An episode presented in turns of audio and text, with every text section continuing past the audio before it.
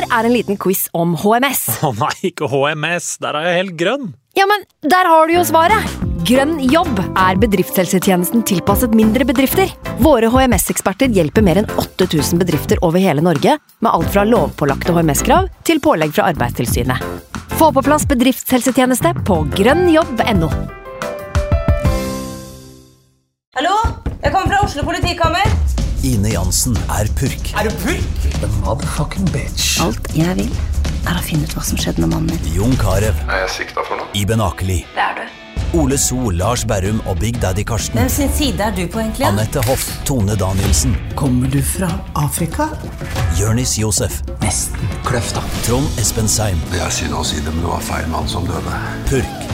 Premiere tirsdag på TV2 Play. How they laughed, they loved, they played the game together. Played the game and gave it every ounce of life, and the crowds they thronged to see such free young spirits. My good God, there wasn't many who come home.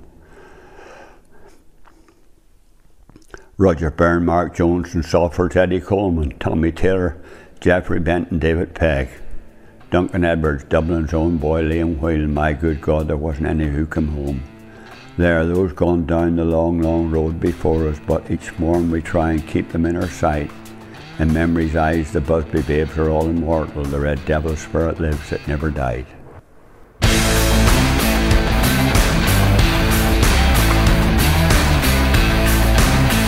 De skulle hjem til sine kjære i Manchester med en semifinalebillett i bagasjen. I stedet så havna byens Busby Babes i den frykta fjerde etasjen på Rechts der Isar sykehus. Dårligst odds av dem alle fikk Johnny Berry. Han skulle overleve, riktignok, men med alvorlige hjerneskader så fikk han ikke et lykkelig liv. Gang på gang møtte Johnny til trening på The Cliff uten at han skjønte hvorfor han ble sendt hjem igjen. Og så har du Joy Byrne, da, som satt hjemme og gleda seg til å fortelle mannen Roger at hun var gravid med deres første barn. Kenny Morgans var yngst av alle med sine 18 år, som for de fleste av eh, lagkameratene ble kjærligheten for fotballen begrava i snøslapset i München. Bobby Charlton var en ung, glad mann på 20 år som tok ting litt på hælen. Over natta ble han inneslutta og nærmest dyster. Albert Scanlon levde med skyldfølelsen til det siste, spesielt da han møtte foreldra til bestekompisen Eddie Coleman. Det var som om blikket deres sa 'Hvorfor er du her, og ikke Eddie?' Hofta og ankelen til Matt Busby ble aldri bra, men de sjelelige arra var mye verre å bære. Hver 6. februar ville han være i fred, og gikk i kirka og tente elleve lys. Flytragedien i seg selv var grusom nok, men klubben la stein til byrden i form av slett behandling. Scanlon slet seg på krykker fra München til Manchester på egen hånd, med tog og ferje uten hjelp fra klubben. Han satte seg aldri i et fly igjen, og jobba etter endt fotballkarriere på dokkene i Salford. Han slet med å få endene til å møtes, og satt ofte uten penger til elektrisitet i sin mørke, kalde leilighet i Orsal, så nær Old Trafford at flomlyset skinte inn gjennom kjøkkenvinduet hans. Berry og Blanchflower ble fotballinvalide og sparka ut av sine hus fordi klubben eide dem. Flaue og skamfulle historier som ikke forsvinner, selv om klubben i dag hedrer München-pårørende på en verdig måte. Vi må aldri, aldri glemme klubbens rikholdige historie, og minst av alt den mørkeste dagen av dem alle. Velkommen skal du være til United We Podcast eh, spesial i dag om München-ulykken. Eivind Brennhovd Holt fra United.no er som vanlig med oss. Hallo, Eivind.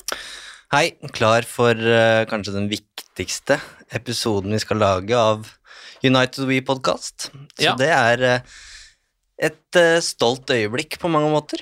Vi har også med oss eh, en som kan denne historien ut og inn. Lars eh, Morten Olsen, også eh, fra United.no. Velkommen til deg også.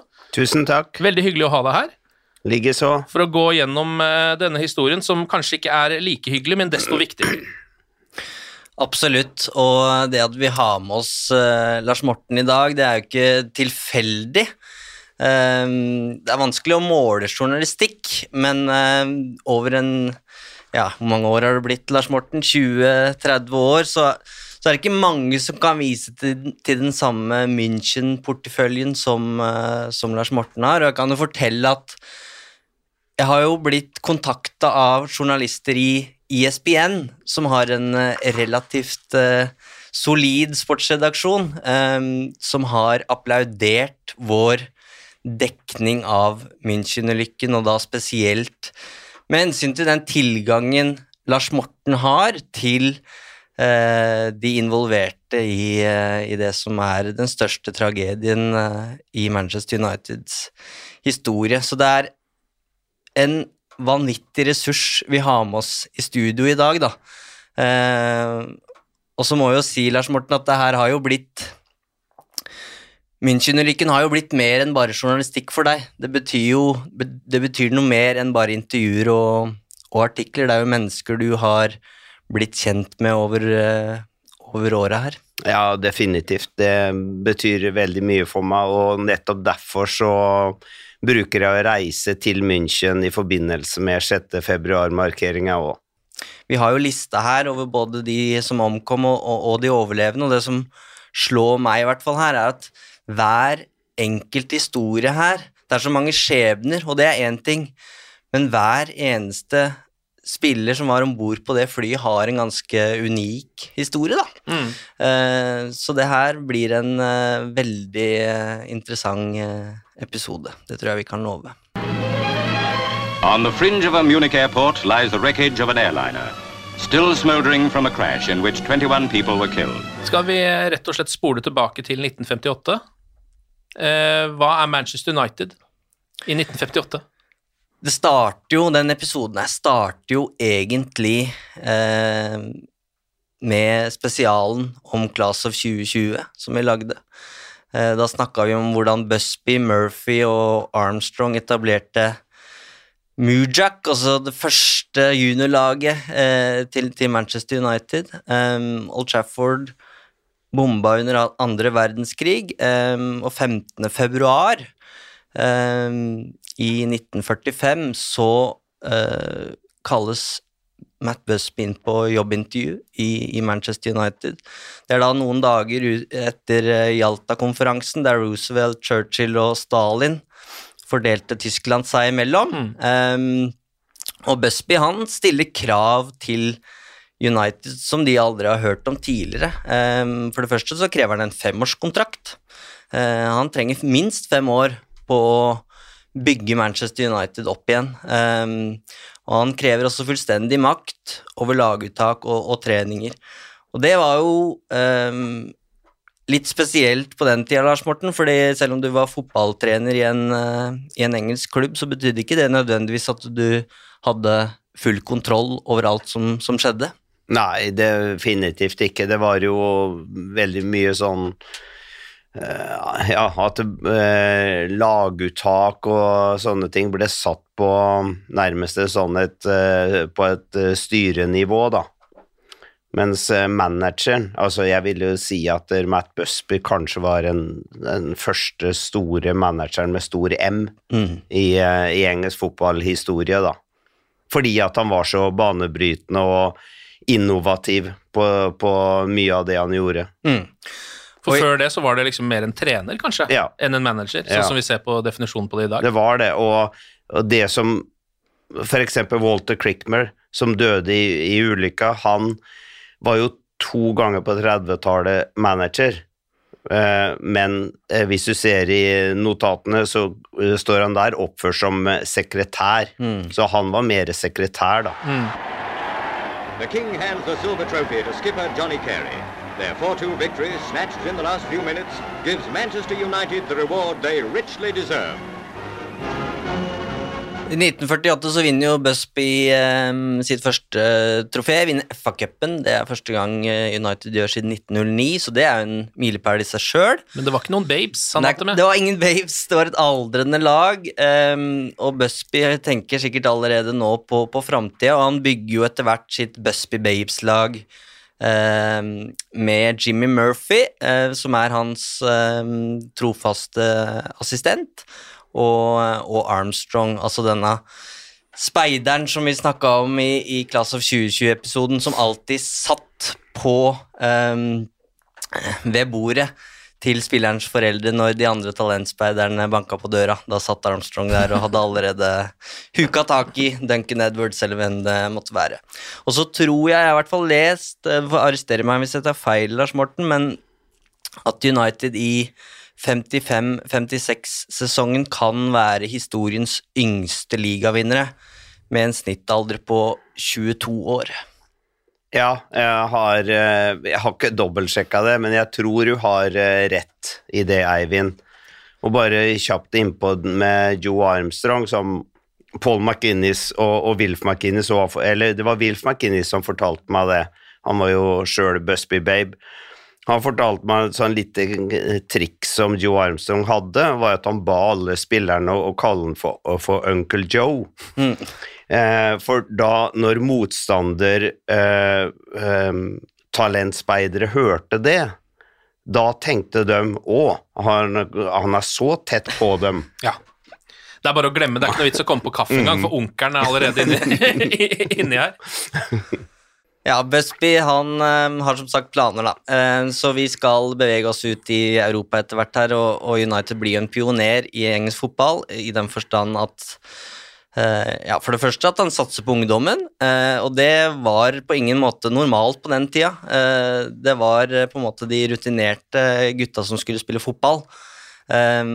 og det andre handler jo om ambisjonene Busby har utenfor England. Og vi er jo her er måte, Jeg syns det er utrolig vanskelig å sette seg inn i hvilken tid vi er her, for det er, det er så mange år siden. Men innstillinga i, i, England var jo at vi er best i alt, så hvorfor i all verden skal vi spille fotball utenfor vår egen øy? Det er jo litt det samme som gjelder nå, bare at det ikke handler om fotball lenger, da. Ja, det har kanskje ikke endra seg så mye når du, når du, sier det. Men Busby var i hvert fall eh, nysgjerrig på hva som foregikk i Europa, og ville teste seg mot utenlandsk eh, motstand.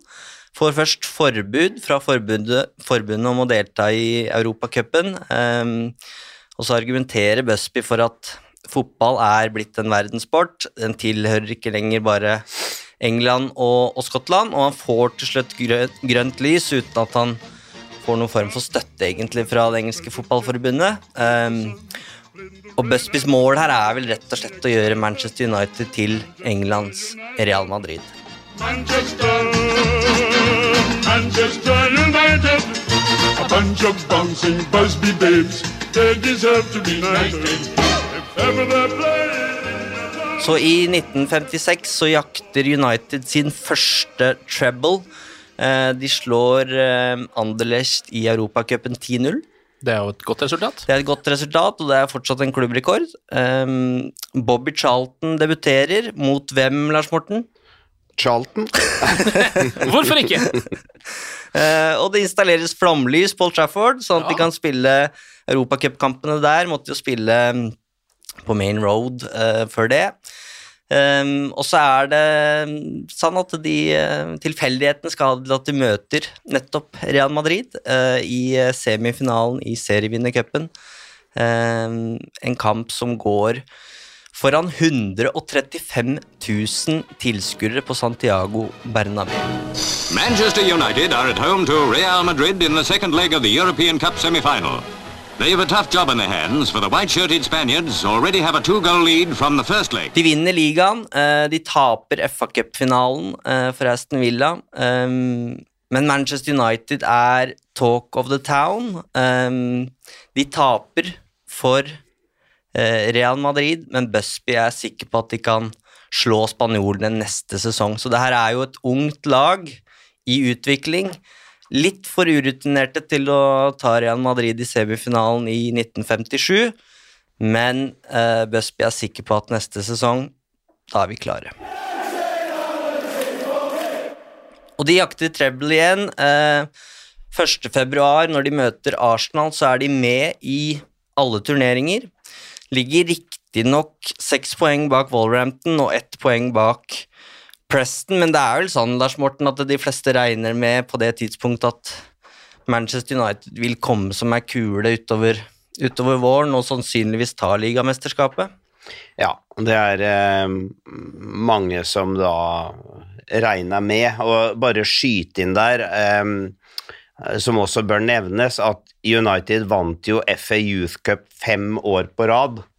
Uh, og det var jo en uh, klar indikasjon på hva som virkelig var på gang her. Med flere av de som dessverre døde i München. Da.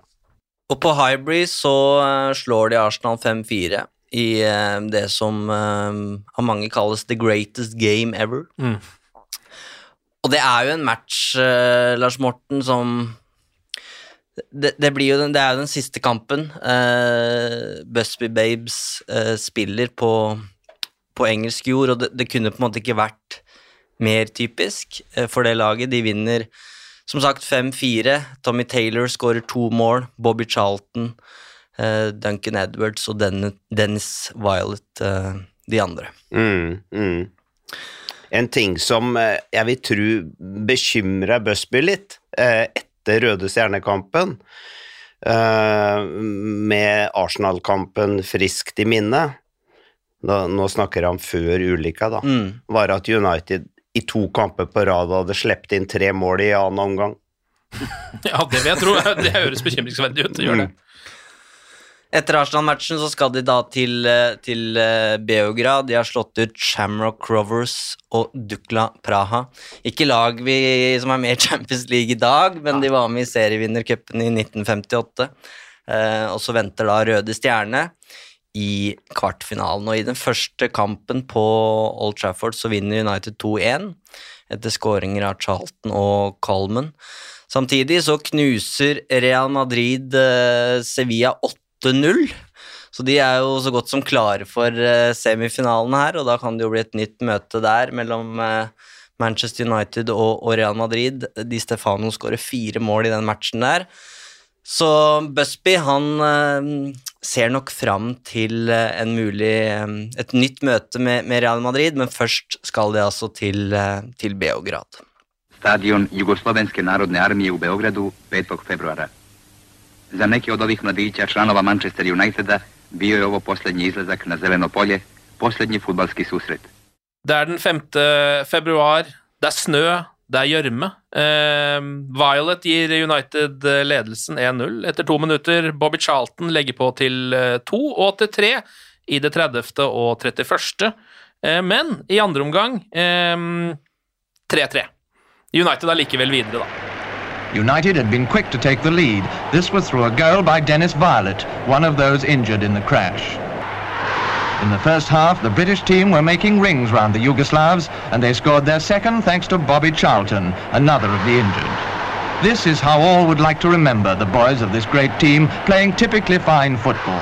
Bobby Charlton er jo i fyr og, og flamme her, og, og 20 år gammel, og han hadde, det var vel nesten et slags signaturtrekk Lars Morten, at han kunne skåre fra langt hold, og at det, det, var ikke så normalt på den tida å nødvendigvis skåre utafor 16-meteren, men et av de måla her Lurer på om det er det første, det første han skårer, altså 2-0-skåringa, er, er, jo et langskudd. Mm, mm. Han eh, ble jo kjent for det etter hvert, men som du sier, Eivind, det var uh, definitivt ikke vanlig den gangen med noe sånn rakkarøker fra 20-25 meter. Mm. Og så er det jo en Det fins jo klipp på YouTube, så går det an å gå inn og se på det. Det er et uh, jugoslavisk lydspor, så man kan jo mute og så høre på oss samtidig. Uh, men det er verdt å se høydepunktene. Du, du får, uh, får en følelse av, av, hvordan det var i, i Beograd den kvelden der. og så skal vi snakke litt om en jugoslav også, Lars Morten, for du har ikke bare snakka med med Manchester United-kilder i forbindelse med München. Du så snakka med en fyr som heter Dragoslav Sekul Sekularac. Det er riktig. Ehm, jeg var i Beograd og intervjua to av spillerne som spilte den kampen. Det var han du nevnte, Sekularak, og så var det Vladika Popovic. Og det var, eh, vil jeg si, en av mine sterkeste møter rent journalistisk eh, i livet fordi at de eh, Vi måtte ha tolk, da, men det eh, Det var ingen hindring, så de eh, selv så mange år etterpå så satt de faktisk med tårer i øynene da de snakka om det og mintes tilbake. Mm. Jeg har skjønt at en av de også har en litt hva skal man si, om ikke merkelig, så er det jo Folk skylder jo ofte på seg selv når det er tragedier. Og eh, Sekularak, så vidt jeg har skjønt, har en sånn en skyldfølelse som han ikke blir kvitt. Mm, stemmer det, fordi han eh, Det hadde seg sånn at han hadde megasjans eh, bare noen få minutter før slutt. eh, Åpent mål, og, og bomma. Dersom han hadde gjort mål, eh, så hadde det jo blitt eh, 4-3 og uh, uavgjort uh, Hva blir det for noe? 5-5 sammenlagt. Mm. Og da var det allerede bestemt, det har vel ikke kommet fram så mange steder, tror jeg, men det sa i hvert fall de, at da var det bestemt at da skulle det være en ny match dagen etter. Da hadde det ikke blitt noen flytur. Nei, Um, den 6. februar, nei. Mm. Og da, ja, det er jo eh, selvfølgelig eh, Det er jo, hva heter det, sommerfugleffekten. Mm. Eh, man vet jo ikke hva som skjer av den minste ting. Det kan bli til den eh, største, rareste ting. Men det må være en vond følelse å gå og tenke på den, den bommen. Den tror jeg han tenker på veldig ofte. Skyte inn nå kanskje at dere Harry Gregg han fortalte meg jo at han kom fra et dårlig strøk i Nord-Irland. Eh, trange kår i oppveksten. Eh, men han var sjokkert over fattigdommen i Beograd. Da de eh, trente dagen før, så var det jo møtte de opp mange og så på, på treninga, og han la merke til at flere av supporterne eller eh, tilskuerne der hadde på seg bildekk som sko, Å ja, for, eh, som isolasjon mot eh, kulda. Og det er et poeng her at vi, vi befinner oss her bak jernteppet. Mm. Og jeg vil nok tro at eh, de fleste av de som satt på, på flyet på vei til Beograd, var nok litt skeptiske. Og de hadde jo pakka med seg sjokolader og hadde med seg hardkokte egg. Sånn i tilfelle hvor de visste ikke helt hva, som, eh, hva slags eh, kosthold som- venta dem i, i Beograd. Men det her, det møtet her, Lars Morten, det, det ender jo eh, med forbrødring, rett og slett, mellom Manchester United og, og Røde Stjerne. Det, det er det det gjør. Flere av spillerne eh, knytter jo der vennskapsbånd, eh, og tar hverandre i hånda på at dette er vennskapsbånd som skal vare livet ut. Eh, og Busby, han sa jo det på banketten, for på banketten så var det både Røde Stjerne og United, da. Og Busby han sa jo det at der, kommer dere noen ganger til Manchester, så er døra alltid åpen. Det er jo, eh, altså Fotballen har jo blitt profesjonalisert, og det er sikkert bra på mange måter, men dette her har man jo ikke lenger. Eh, det er ikke sånn at eh, PSG og Manchester City møter hverandre etter en semifinale i, i Champions League og tar en liten kveld på byen i Paris. Eh, det er litt synd, men sånn er det ikke lenger. After the match, you know, you were allowed to have a drink. We used to have a few drinks. We used to have more than enough. I must be honest. Og jeg syns jo den kvelden her, 5. februar, er Ja, det er, det er jo rett og slett hjerteskjærende, fordi eh, ja, det fortelles at det serveres iskrem med, med brennende stjerneskudd, og det er veldig god stemning, og så god stemning at Busby utvider curfew med en time. Altså gutta får være får rett og slett lov til å dra ut på byen. Um, og Harry Gregg og et par andre spiller jo poker på, på hotellet The Majestic. Andre drar på nattklubben Krystall, og noen blir med Sekulararts til eh, bohemkvarteret Skadarilja. Eh, Lars Morten, jeg, jeg er usikker på uttalen der, men eh, det her er jo disse fortellingene om, de vennskapsbåndene som, eh, som, som knyttes, og det, det snakkes om at de om ikke Røde Stjerne kommer tilbake til Manchester med det første, så, så blir det i hvert fall en slags gjenforening når, eh, når det skal spilles VM i Sverige Mm. til sommeren. Um, så, så den ulykka, den står vel uh, veldig sterkt i, i Beograd også, uh, Lars Morten, selv om det var i München det skjedde. Det gjør det. Uh, Jeg husker da jeg intervjua broren til Nemanja Matic.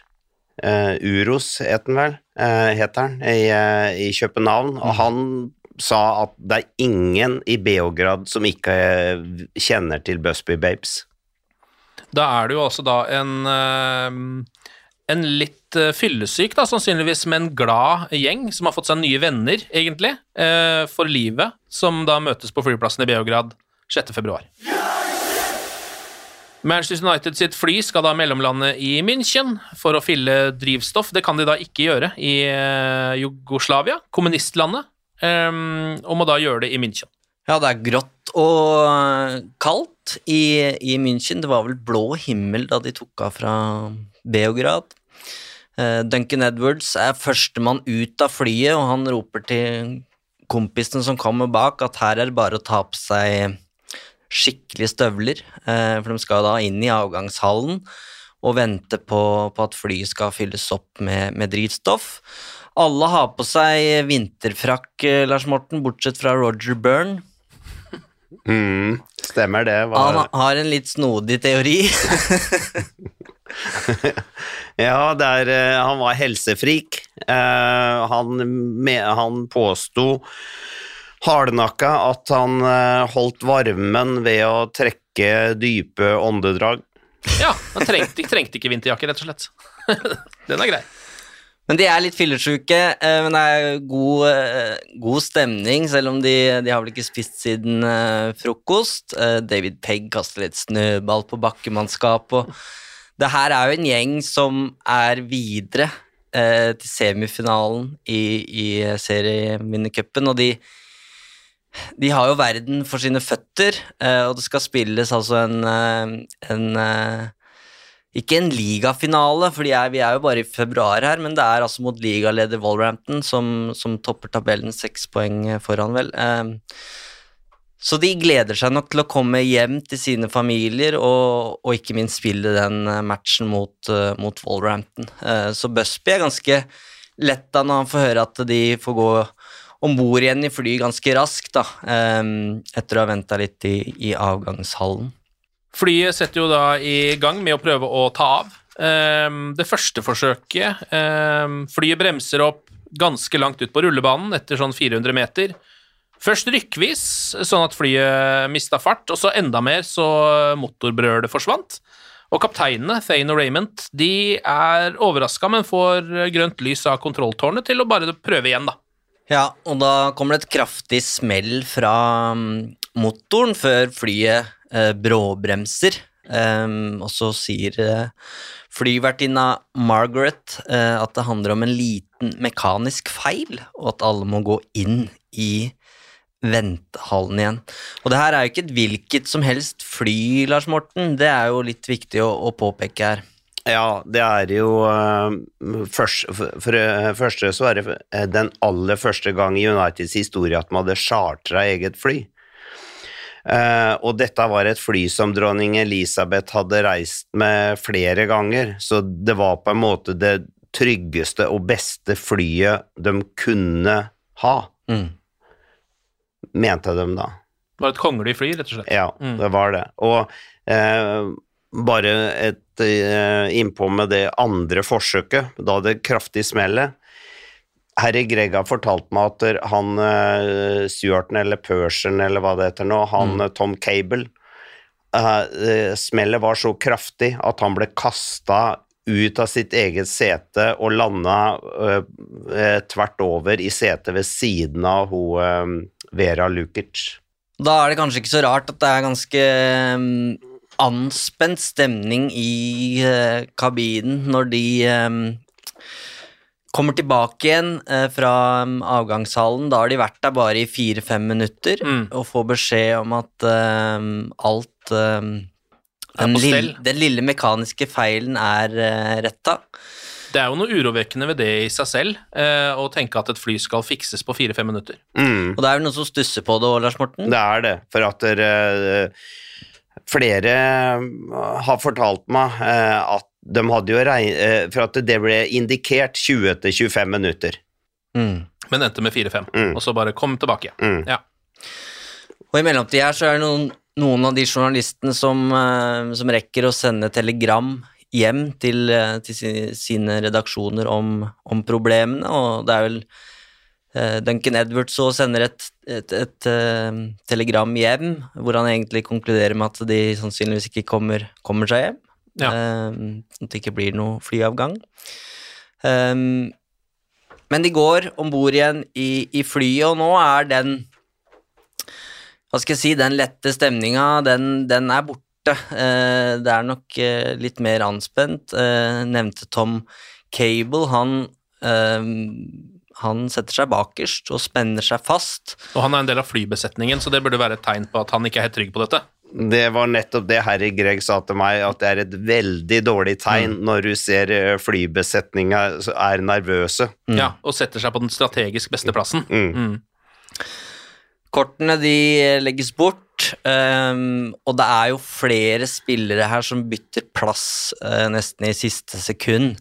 Uh, og det diskuteres hvor det er tryggest å sitte, og da er det jo Da er det bred enighet Lars Morten, om at det er tryggest å sitte bakerst.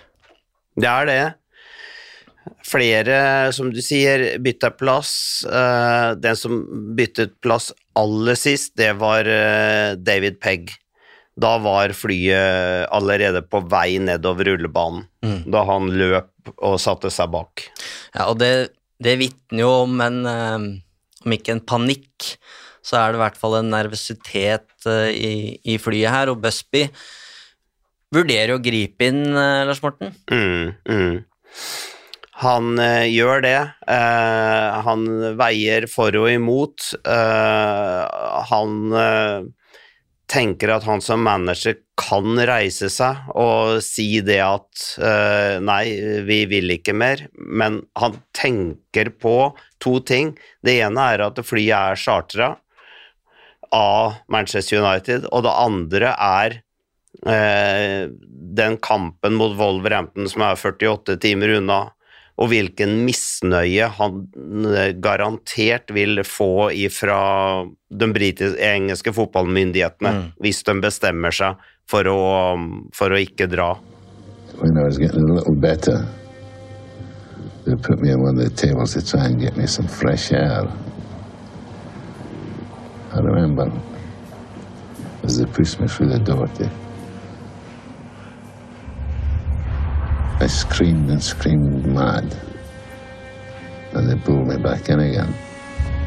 I had the feeling that I might have been responsible. Why did I take the club into Europe? Why did we go the third time? Han lander jo i hvert fall til slutt på at, eh, at det ikke er noe å reise seg opp uh, og kreve, at det ikke skal fly. Uh, flyet skal gå som planlagt. Og uh, de to kapteinene, Thane og Redmond, får beskjed fra kontrolltårnet at de har to minutter på å komme seg opp på vingene. Og det gjør vel også, Lars Morten, at de Den beskjeden kommer vel egentlig ganske overraskende. At de kun har to minutter på, på å komme seg av gårde, og dermed egentlig ikke noe Det er ingen betenkningstid her. Nei. Nei, det er fire-fem minutter i en Mm. avgangshall, og så to minutter i flyet, og så er det, skal det opp, da. Ja. Det må jo ha satt uh, Thane og Raymond i en veldig, veldig vanskelig situasjon. Mm. Og 15.03 så skyver Thane eh, spakene i eh, bånn, og flyet det mm, akselererer. 110 knop, 117 knop. Og Zain han ser vekselsvis ut gjennom vinduet og på instrumentbordet. Eh, og nå er vi liksom i takeoff-øyeblikket snart, eh, men til sin forskrekkelse så ser jo da piloten at farta har synket fra 117 knop til 105. Og da begynner eh, Da går jo på en måte alarmen. One cold and bitter Thursday in Munich, Germany. I kabinen så sier religiøse Liam Whelan at hvis dette er døden, så er jeg klar, og gjør korsets, korsets tegn. Um, litt lenger bak så er det en litt sånn nervøs latter. Uh, og Johnny Berry, han ehm, ser at flyet ikke er over bakken ennå, uh, og reagerer og sier We, We're all gonna fucking die. Omtrent samtidig så skriker eh, kopilot Ken Raymond um, Gud, vi, vi klarer det ikke. Det her kommer ikke til å gå. For nå har flyet kjørt lenger enn rullebanen. Eh, gjerder og bygninger kommer nærmere og nærmere, og de har jo nådd her point of no return. Eh, de er oppe i så høy hastighet, eh, men i et slags eh, vakuum, for å si det på den måten. Altså, de kan verken lette eller stoppe. Så det går jo som det må gå. De dundrer ut av rullebanen. Thane og Raymond setter inn alt de har av bremser, men det er for seint. Så flyet det braser ut av rullebanen, ut på gresset og videre gjennom et sikkerhetsgjerde. Der står det et hus som treffes av eh, flyets vinge. Og hvis man har sett bilder av, av vraket, så kan det se litt ut som en sånn skadeskutt fugl. Eh, eh, og flykroppen, den, den sklir etter hvert bortover og treffer enda en bygning eh, og noen trær, før, eh, før kroppen til slutt stopper opp. Og når flyet har stoppa, så våkner Harry Gregg i et døende mørke. helt, helt stille. Uh, som en veldig kontrast til det uh, motorduren og det smellet som nettopp har vært, da. Uh, og så kjenner han Han rekker å tenke at han aldri kommer til å se igjen verken kone eller barn, for han er sikker på at han er eller kommer til å dø, og han kjenner at blod renner nedover huet eller nedover panna. Han tør ikke å ta der, for at han eh, tror at toppen av huet er kappa som på et eh, kokt egg. Eh, men etter hvert da, så klarer han å åle seg ut av flyet. Eh, for han ser langt framme der eh, Altså, han er jo liggende, så hele flykroppen er jo forvridd, så vi klarer ikke å se for oss eh, den situasjonen som han var i. Men han har fortalt meg at han klarte å krype, åle seg ut, for han så en en åpning i, i flyskråket, i, i skroget. Det var ikke stort nok til å komme ut, men han sparka sparka hull i det, og da la han forresten merke til at han bare hadde på seg en sko. Uh, han, han uh, kommer ut av flyet, og den første han ser, det er Bert Volley, treneren. Han sier at han hadde ikke skramme på kroppen, men jeg bare så at han var død. Han hadde øynene åpne, og jeg har aldri tilgitt meg sjøl for at jeg ikke lokka dem. Det er kanskje ikke det man tenker på i et sånt øyeblikk. Eh, det er jeg nok ikke, men eh, Harry Gregg han eh, holdt huet mer kaldt enn noen andre. Og noen av oss hadde gjort i samme situasjon, tør jeg påstå. Ja, for nå kom jo etter hvert piloten Thane krabbende ut av cockpit. Han roper at flyet kan eksplodere, og det handler jo om drivstoffet. Eh, og flammene står jo opp mot himmelen her. Det er jo et inferno de er i. Um, og mange følger jo hans eh, oppfordring og kommer seg vekk, men det gjør ikke Harry Gregg, eh, Lars Morten. Han gjør ikke det. Thane skriker til Harry 'kom deg bort', you stupid bastard. Men uh, Harry, han hører barnegråt. Og han sier at det er mennesker igjen der inne. Vi må, vi må hjelpe til og kryper da inn. Uh, ikke bare én gang? Nei, etter, altså han finner et, til slutt barnet uh, som ligger under noen klær, og han var livredd, har han fortalt, uh, da han fjerna de klærne, for han han var redd at barnet var død, da. Men det hadde mirakuløst nok klart seg bra rent fysisk krabber ut med barnet og er på vei til å, å løpe av gårde med det, men gir det til flyvertinnene og går inn igjen for å lete etter fler. Og da finner han moren til dette barnet, som forresten var på 22 måneder gammel. Mm. Moren, eh, Vera Lukic, hun var jo eh, veldig hardt skada. Og det er ingen tvil om at Harry Greg da redder livet eh, både til barnet og til moren. Og du kan også si at han redder livet til flere, fordi han drar flere av medspillerne og Matt Busby også vekk ifra mm, flykroppen, som da hvor det er eksplosjoner. Ja, blant annet uh, Violet og Charlton uh, blir dratt ut derfra. Ja. Uh, Violet har et stygt kutt i hodet. Bobby Charlton har egentlig ikke en skramme, men er jo i fare for å eksplodere da, inni flyet. Og så prøver han jo da å finne Blanche Flower.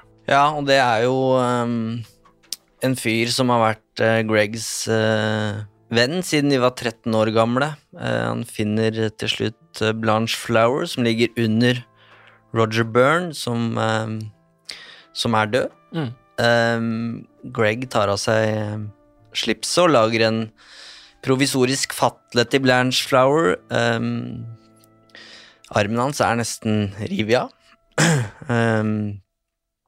du er ok, sier Greg, men uh, som Lars Morten har skrevet i, i en av sine artikler, han visste at han løy. Uh, vi kan snakke om, om uh, helter i, i, fotballen i dag, Lars Morten. Det er deilig med overtidsskåringer og alt det der, men i, i, Manchester Uniteds historie så finnes det jo ingen større helter enn Harry Gregg. Det gjør ikke det, men det um, ironiske eller paradoksale er jo at han hater mm. å, å bli kalt helt. Hvorfor tror du det? Han, på, han påsto at uh, han reagerte på instinkt. Han sier at mennesker er sånn skrudd sammen at uh, en annen dag så hadde jeg løpt med de andre. You do what comes naturally to you on a certain day. So all this nonsense about what I'm supposed to have done, uh, I can do without it. I was the best goalkeeper in the world at one time. Not not John Wayne. I am no different than anybody else. I am a survivor. End of story. Men hvordan var det å, å snakke med Harry Gregg om, om ulykken, eh, Lars Morten? Ja, det var eh, nesten ubeskrivelig. Jeg har jo vært hjemme hos ham to ganger eh, og snakka om det. den siste gangen så prata vi nesten fire timer. Det var, det var, ikke som et vanlig intervju, for at det var han som sitter og prater, og jeg bare kommer med noen spørsmål innimellom. Det er uh, utvilsomt en av de største journalistiske opplevelsene mine. Og det må ha vært veldig tydelig hvor um, Altså, Harry, det å møte Harry Gregg må være en så tydelig hva skal jeg si, manifestering av hva München-ulykken hvilke konsekvenser den fikk. Eh, ikke bare for Manchester Uniteds historie, men da først og fremst for de, for de som overlevde. Ja, og Harry Greg òg, nå har vi ikke kommet dit kanskje ennå, men jeg vil si han var jo sentral, eh, kanskje den viktigste personen eh, som sørga for at eh, spillerne fikk økonomisk oppreisning og anerkjennelse da det kom så altfor, altfor sent i 1998. Så heltedåden hans den slutta ikke der, eh, på ulykkesstedet? Nei, den gjorde ikke det. Jeg har aldri snakka med Harry Gregg, da, og jeg så aldri Harry Gregg spille fotball. Um, men jeg liker å tro, eller jeg tror, at liksom av 100 München-ulykker så, så ville Harry Gregg gjort det her i 99 av tilfellene. da. For jeg, mitt inntrykk, i hvert fall, av Harry Gregg eh, Det er at det er en fyr som er eh, hel ved, da. Eh, og bare det at man er så ydmyk eh, i etterkant, eh, og kanskje spesielt med tanke på hvordan klubben har eh, behandla Greg og, og, de andre her i, et, i ettertid, så det, det, sier så mye om, om, hvem han er som mm. menneske. Mm. og så må Greg få lov til å å si det han har sagt, men han har vel trekket fram piloten Zain og sagt at det er han som er den virkelige helten i, i München-ulykken. Uh, og han er jo en fyr som har blitt ramma av flere personlige tragedier. Uh, faren forsvant ut av livet hans tidlig. Uh, broren blei ramma av polio. Eh, Mista sin første kone som døde av kreft i 1962, og i 2009 så døde datteren Karen av kreft.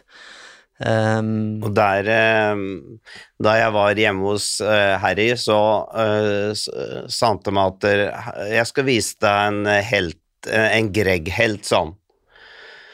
Så ble jeg med bort, pekte på et familiebilde, og så pekte han på eh, broren sin, som du nettopp nevnte led av polio.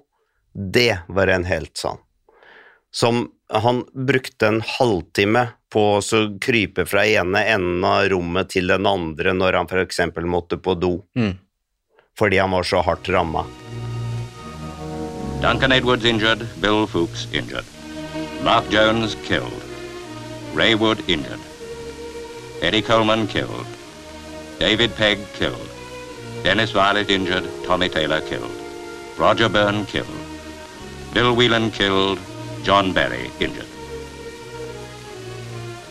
At the time of going to press, Matt Busby was fighting for his life. Vi sitter med eh, seteplasseringa fra München-ulykka eh, foran oss. Eh, det er også et Elisabethen-fly, eh, et kongelig fly, Flight 609. Eh, og Lars Morten, du har jo eh, jobba med å klare å plassere alle disse menneskene på de ulike setene. Hvordan har den jobben vært? Ja, eh, først så vil jeg si det at jeg tar forbehold om feil. Ja, Fordi at eh, Men jeg har støtta meg til samtaler jeg har gjort med um, Ken Morgan, Harry Gregg, um, Albert Scanlon, og jeg har også rådført meg med datteren til Dennis Violet og eh, museumskurator på Old Trafford, Mark Wiley. Mm.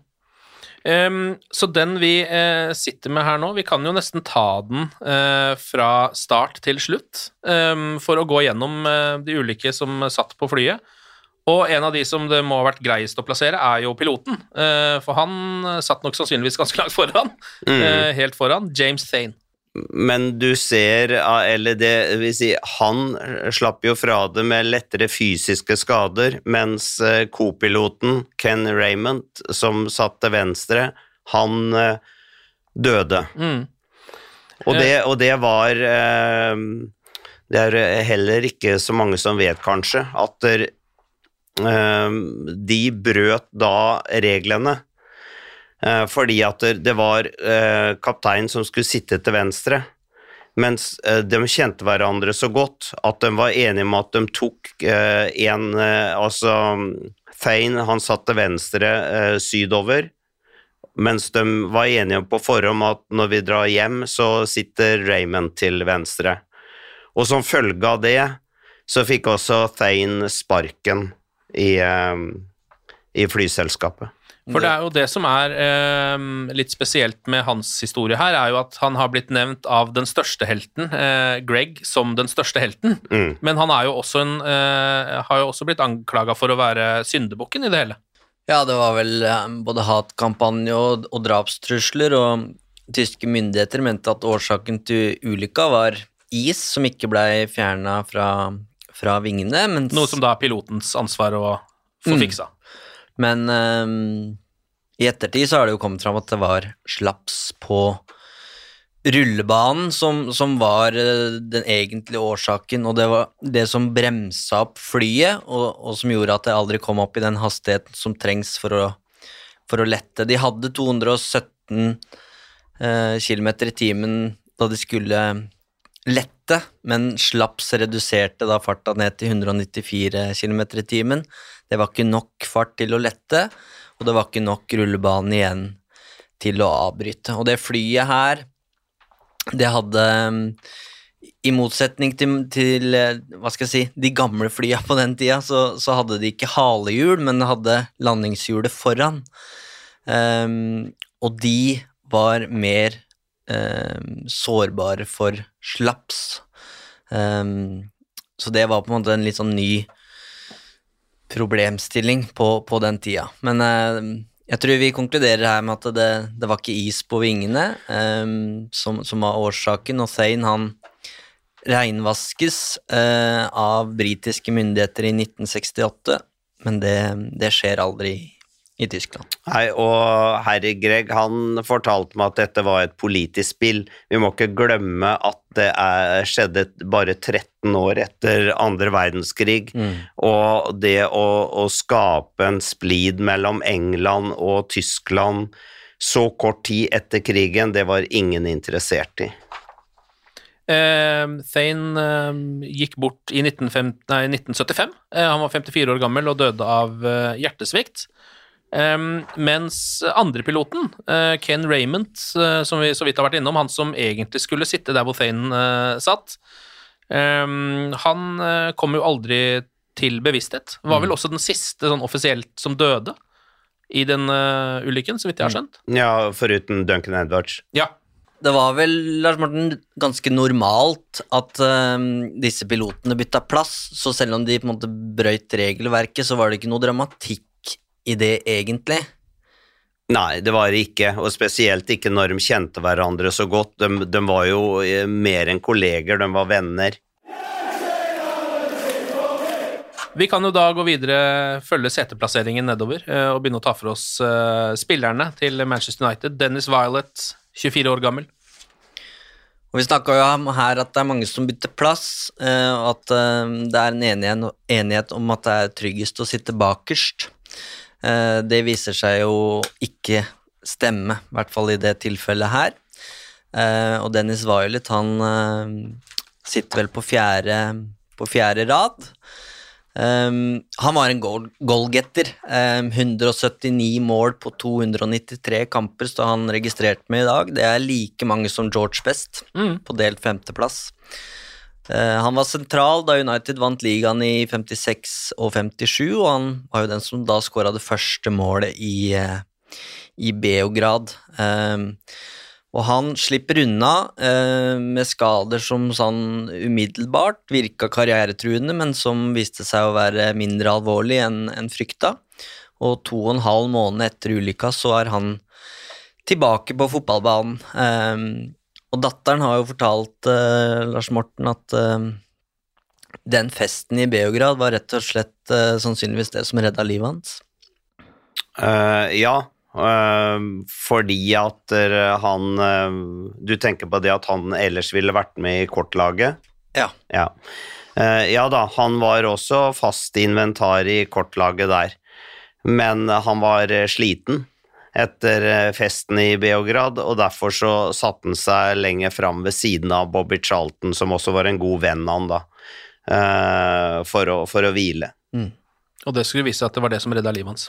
Ja, mest sannsynlig, fordi at hvis vi ser på seteplasseringa, så var det jo uh, de som satt midt i fly, flere av dem ble døde eller fikk alvorlig skada. Den eneste av dem som satt midt i flyet i den kortgjengen, det var jo, som slapp billig unna fysisk, det var jo Bill Folks.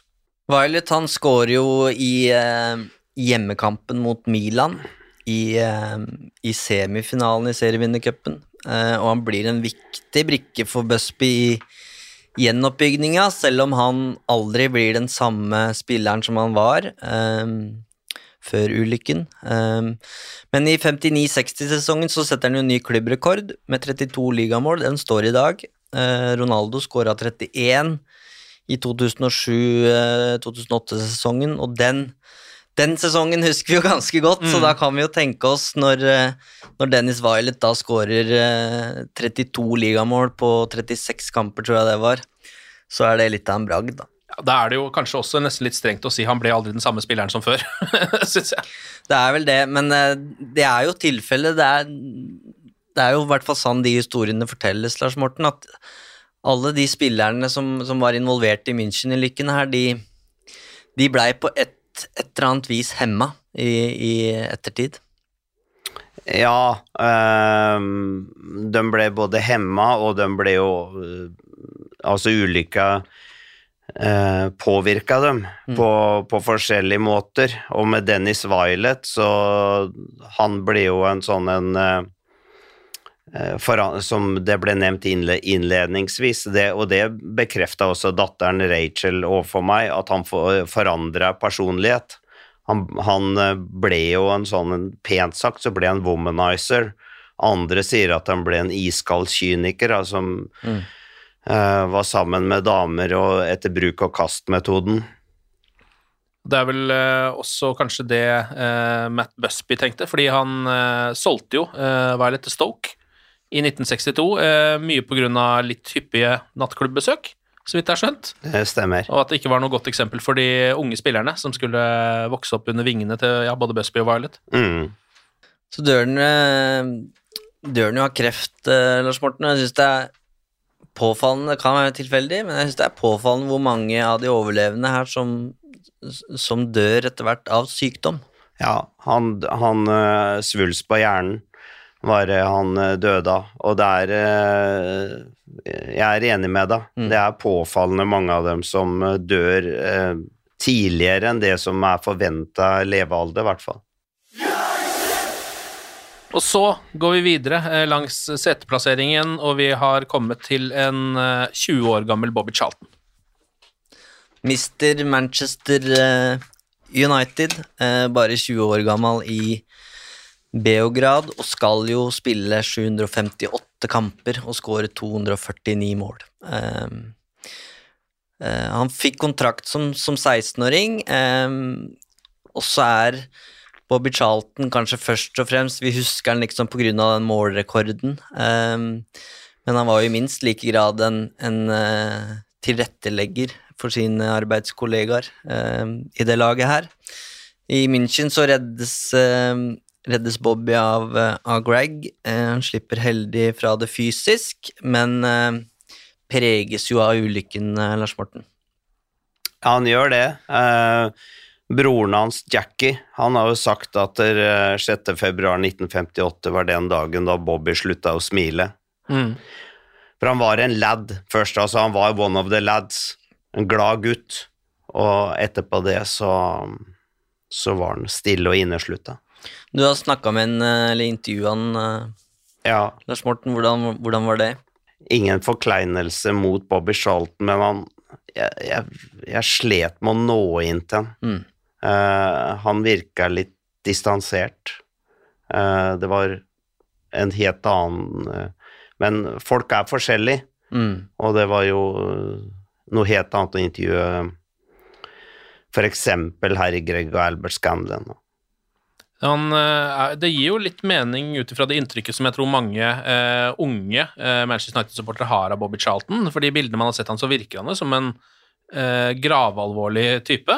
Eh, men det er jo da nesten trist å høre at han eh, før dette egentlig var det totalt motsatte. Mm. Eh, og en litt sånn utadvendt lad, rett og slett. En Mm. klassisk, klassisk livsglad brite. Ja, ja, ja. Wilf McInnes har fortalt at han og han og Bobby Charlton, for dem var jo veldig gode venner, og er det fortsatt. Oppe på Piccadilly i Manchester her, så drev de kjørte bil, og så hadde de med seg vannpistoler, og så drev den med og så eh, skjøt på folk med vannpistolene, som var da irritert på dem, mens de fikk jo ikke tak i dem, for de bare kjørte jo videre. Så han var, han var den typen. Oppførte seg mer som en russ Mm. uh, før dette her. Han gjorde det. Eh, Men det er jo også forståelig, eh, og det gir jo mening med det du sier om intervjuet også, at eh, noe sånt noe, så folk blir jo forskjellige når man blir påvirka av noe sånt, men han virker som han har tatt på seg et slags skall, da, kanskje. Mm. Et beskyttende skall, Mm. eh, som jo kanskje er den eneste måten å ja, å rett og slett cope med en sånn tragedie på. Because I, because I had concussion, apparently, um, I was given an injection to, to make me sleep. And, uh, and when, I, when I woke up, there was a, there was a chap, um, a young man actually, reading the paper. And he read, the, he read out all the names of the players. And I couldn't believe him. Men han blir jo eh, en av eh, historiens største fotballspillere. Ja.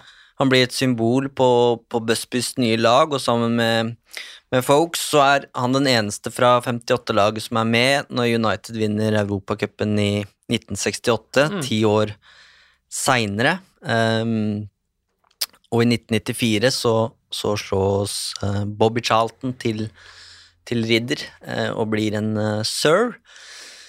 Um, per i dag så er Charlton den eneste britiske og en av bare åtte i historien som har vunnet VM, um, Europacupen og gullballen.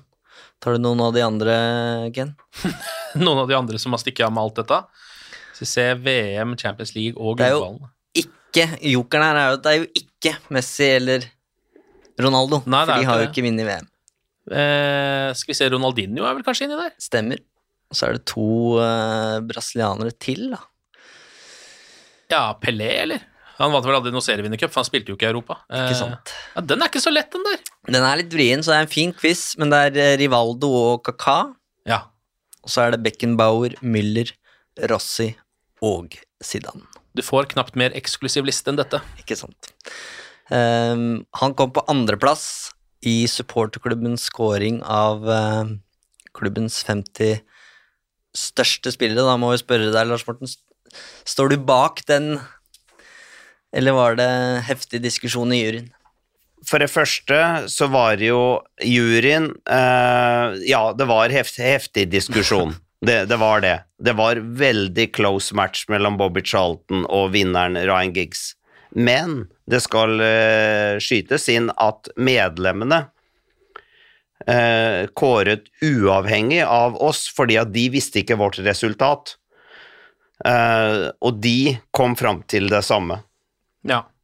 Det er jo vel et eller annet med tidens tann også. Det, det kan det være. Mm. Og så må vi jo øh, selvfølgelig ikke glemme at Bobby Charlton er jo øh, den eneste gjenlevende nå, da, av Manchester United-selskapet som reiste. Vi kan jo hoppe videre til Harry Gregg, den store helten i eh, München. Han er 25 år eh, på dette tidspunktet. Vi har jo allerede snakka en del om Harry Gregg, men det er vel noe vi ikke har kommet innom også, Lars Morten? Ja, kan fortelle at han øh, på Etter at han kom på sykehuset da, i München, som for øvrig ble kjørt i en øh, kullbil, han og, han og Bill Folks, så av, av legene der, så de skulle jo gi dem sprøyte. Bobby Charlton han svimte av når han så den sprøyta som var på størrelse med en arm. Eh, og, og Harry Gregg, som den typen han var, han bare sier 'jeg skal ut herfra nå'. Og Bill Folks var enig. Så de dro fra sykehuset, eh, overnatta ikke der, men sjekka inn på Stakkus hotell i, i sentrale München, der for øvrig jeg bruker å også bo når jeg er på markeringa. De delte jo rom. Eh, Folks og Greg var ikke sånn luksus de hadde hvert sitt, sitt rom.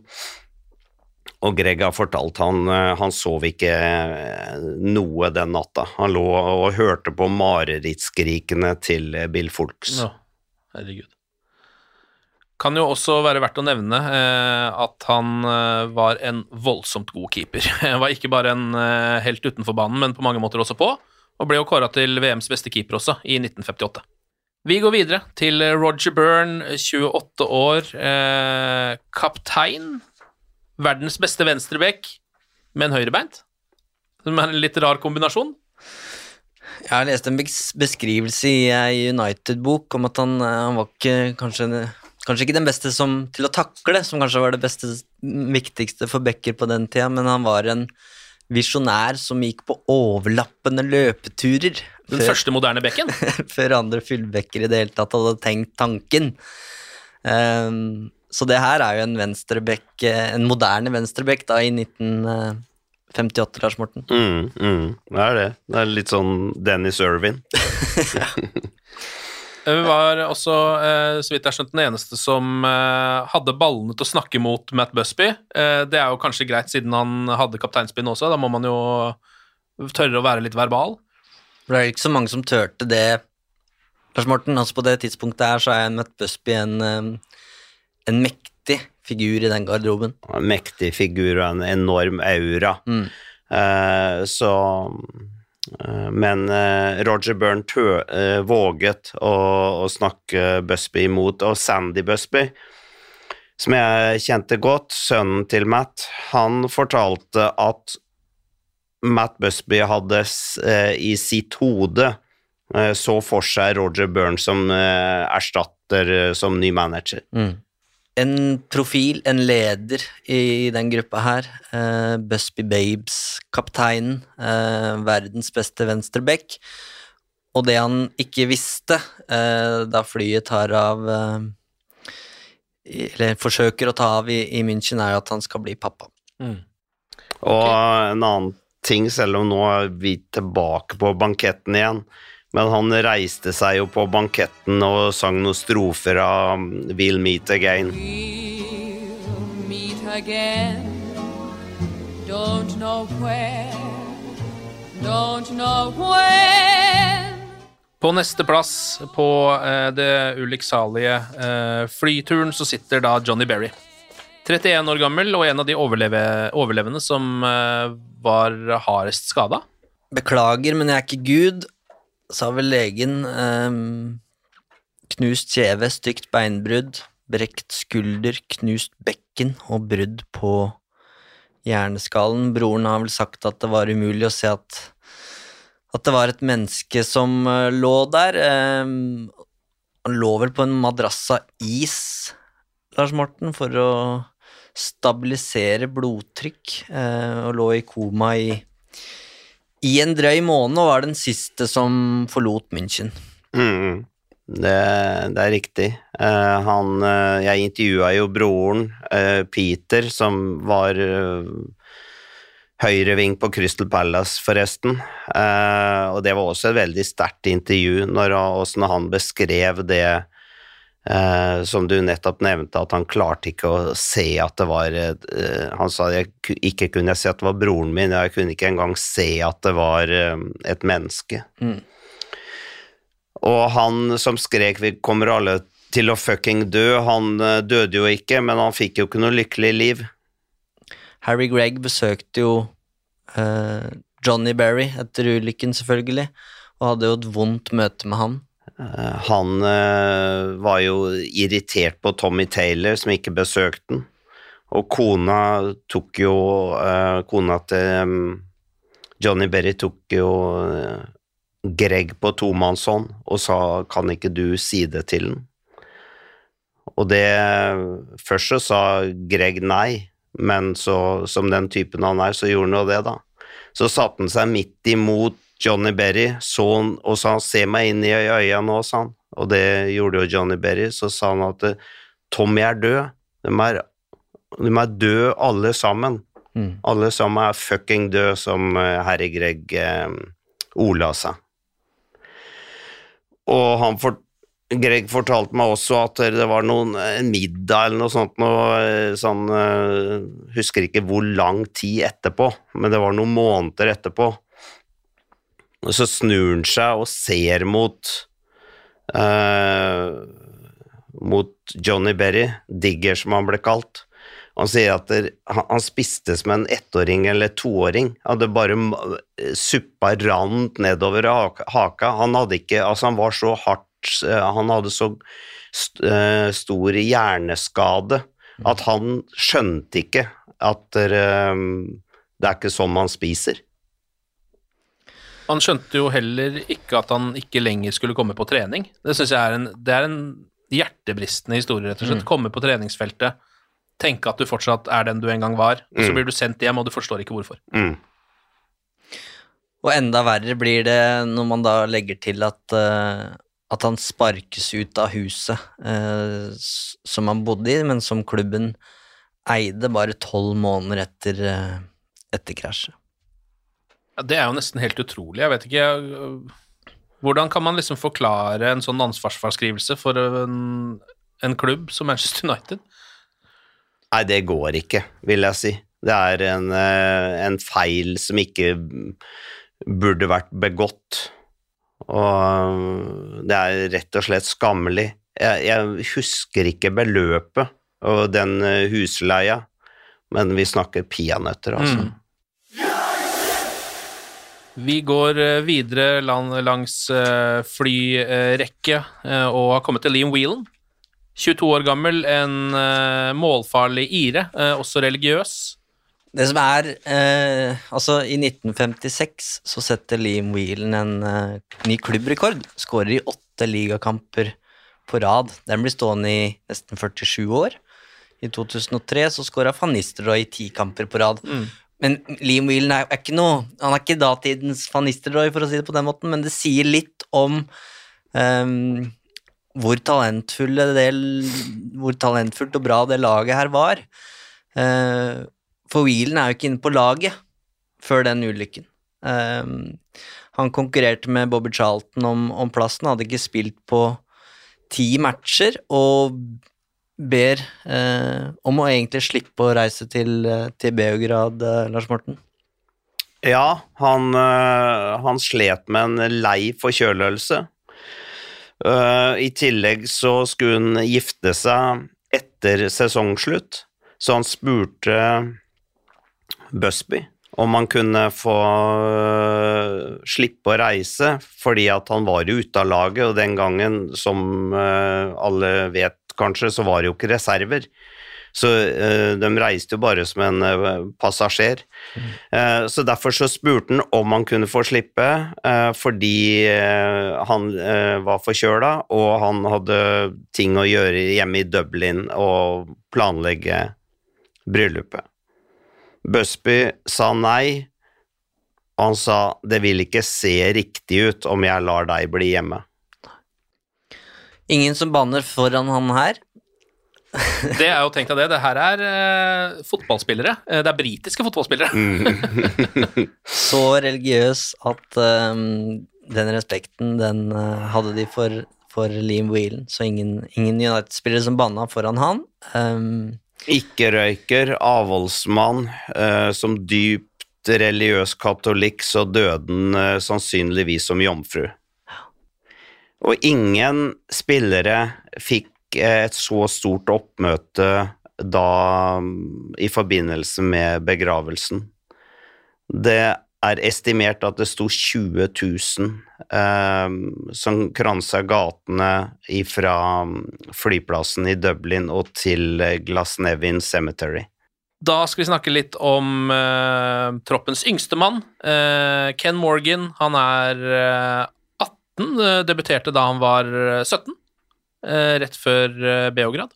Ikke en skramme etter ulykken, men ligger bevisstløs, og faktisk så avsluttes eh, søket etter overlevende uten funn av eh, Ken Morgan, eh, men to journalister gjenopptar søket og finner eh, 18-åringen eh, under et hjul mellom fire, fire og fem timer etter at redningsaksjonen blei ble avbrutt. Eh, han er tilbake på laget eh, etter to, to måneder. Eh, og selvfølgelig en, en talentfull Busby Babe.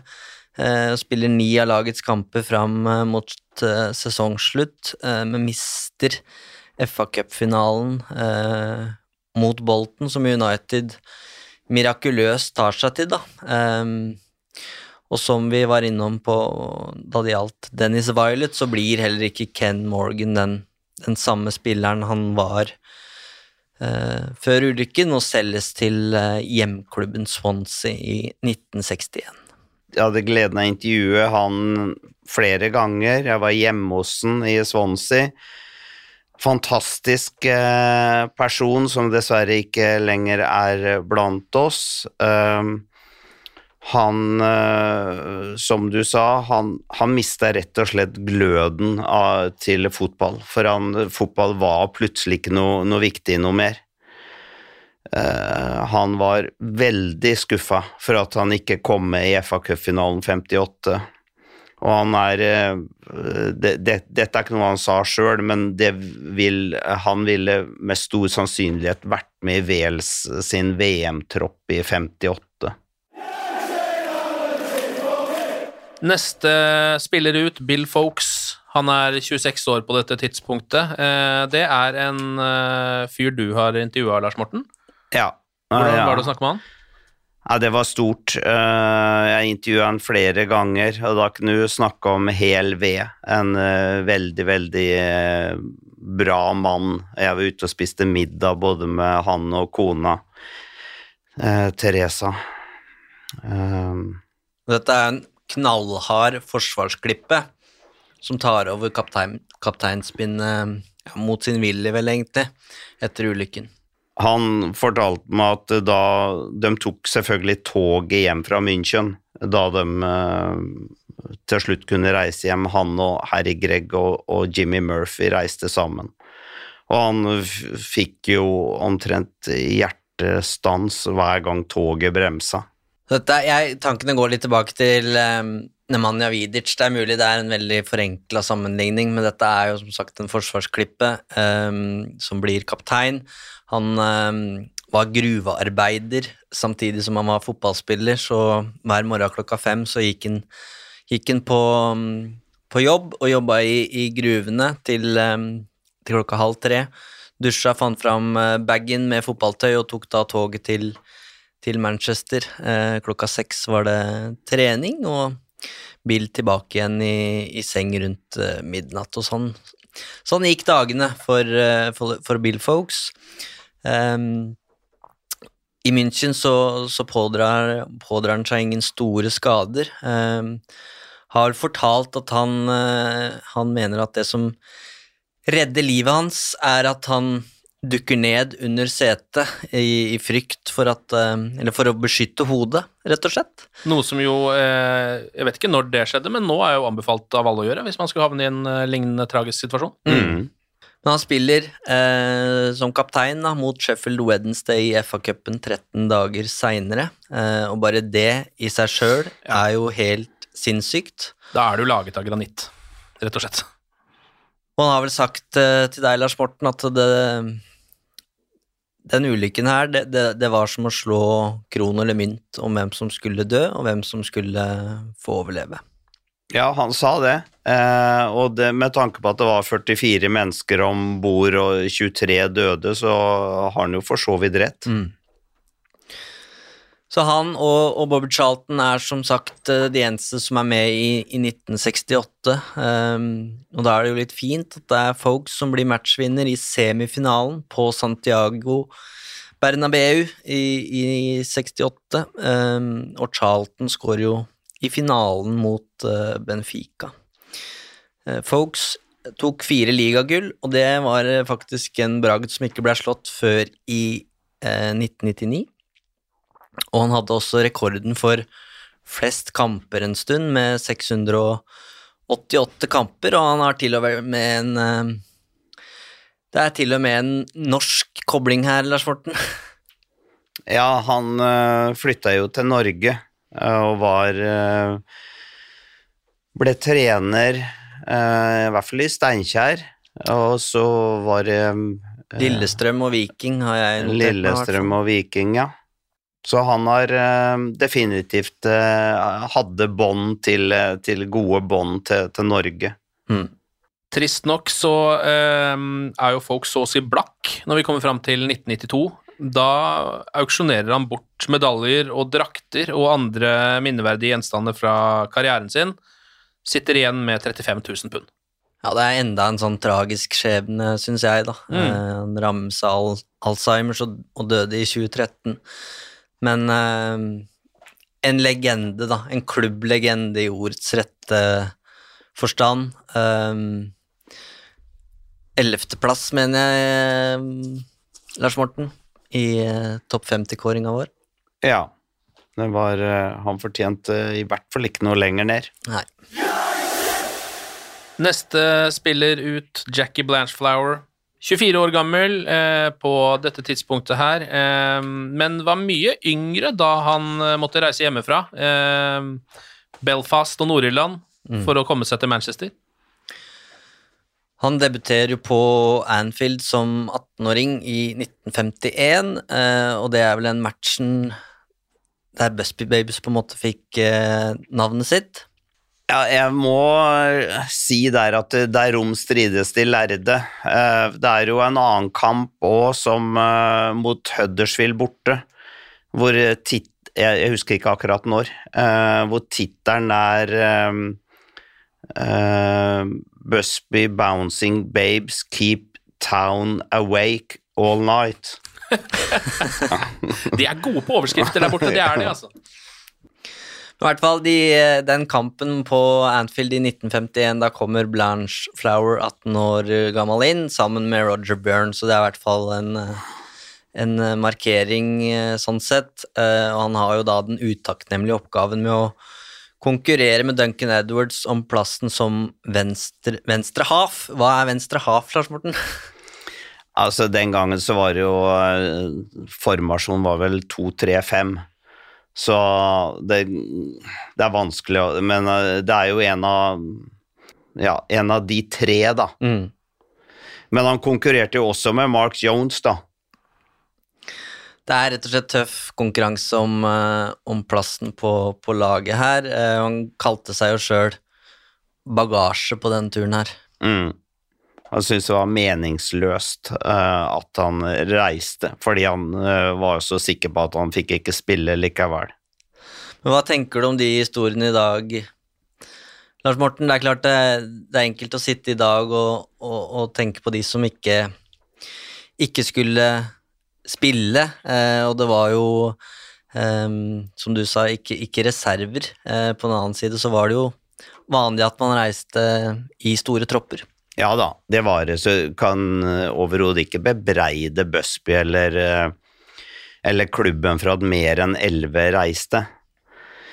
Men jeg intervjua jo sønnen til Jackie Blanchflower, Andy, og han eh, fortalte at eh, Han sa rett ut at faren min var kanskje en Busby-babe, men han var ingen helgen, sa han, hvis folk tror det. Mm. Han eh, Jeg spurte han f.eks. åssen var han på 6. februar, og han sa da at det begynte to-tre dager før. Da på en måte begynte han å telle ned, for han grudde seg sånn. Og når 6. februar kom, så tok han på seg den fineste dressen han hadde, og så drakk han. Mm.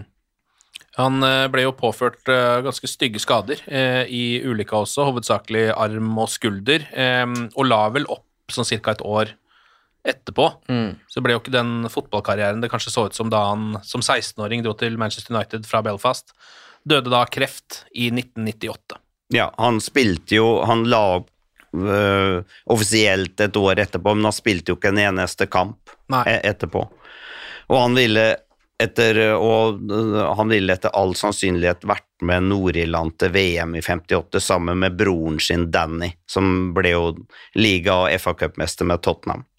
Ray Wood, 26 år, eh, henta som 18-åring og var førstekeeper for United til Greg eh, kom inn da i 1957. Ja, det var eh, flere av spillerne som ble bitre eh, på klubben etter ulykka, som eh, for eksempel nevnte Jackie Blanchfrover, men Ray Wood han ble muligens den bitreste av dem alle. Eh, som eh, fordi han syntes at klubben eh, gjorde så veldig lite for de overlevende og de pårørende, da. I 1998, da den testimonialkampen, eller den som ble en sånn kvasiløsning fordi at det var også det var testimonialkampen til Cantona, samtidig som at det var en sånn minneskamp for München. Og Ray Wood han var jo veldig imot det. Han sa da at de gjør et show av det. De vil vise oss fram som noen forbanna sirkusbjørner.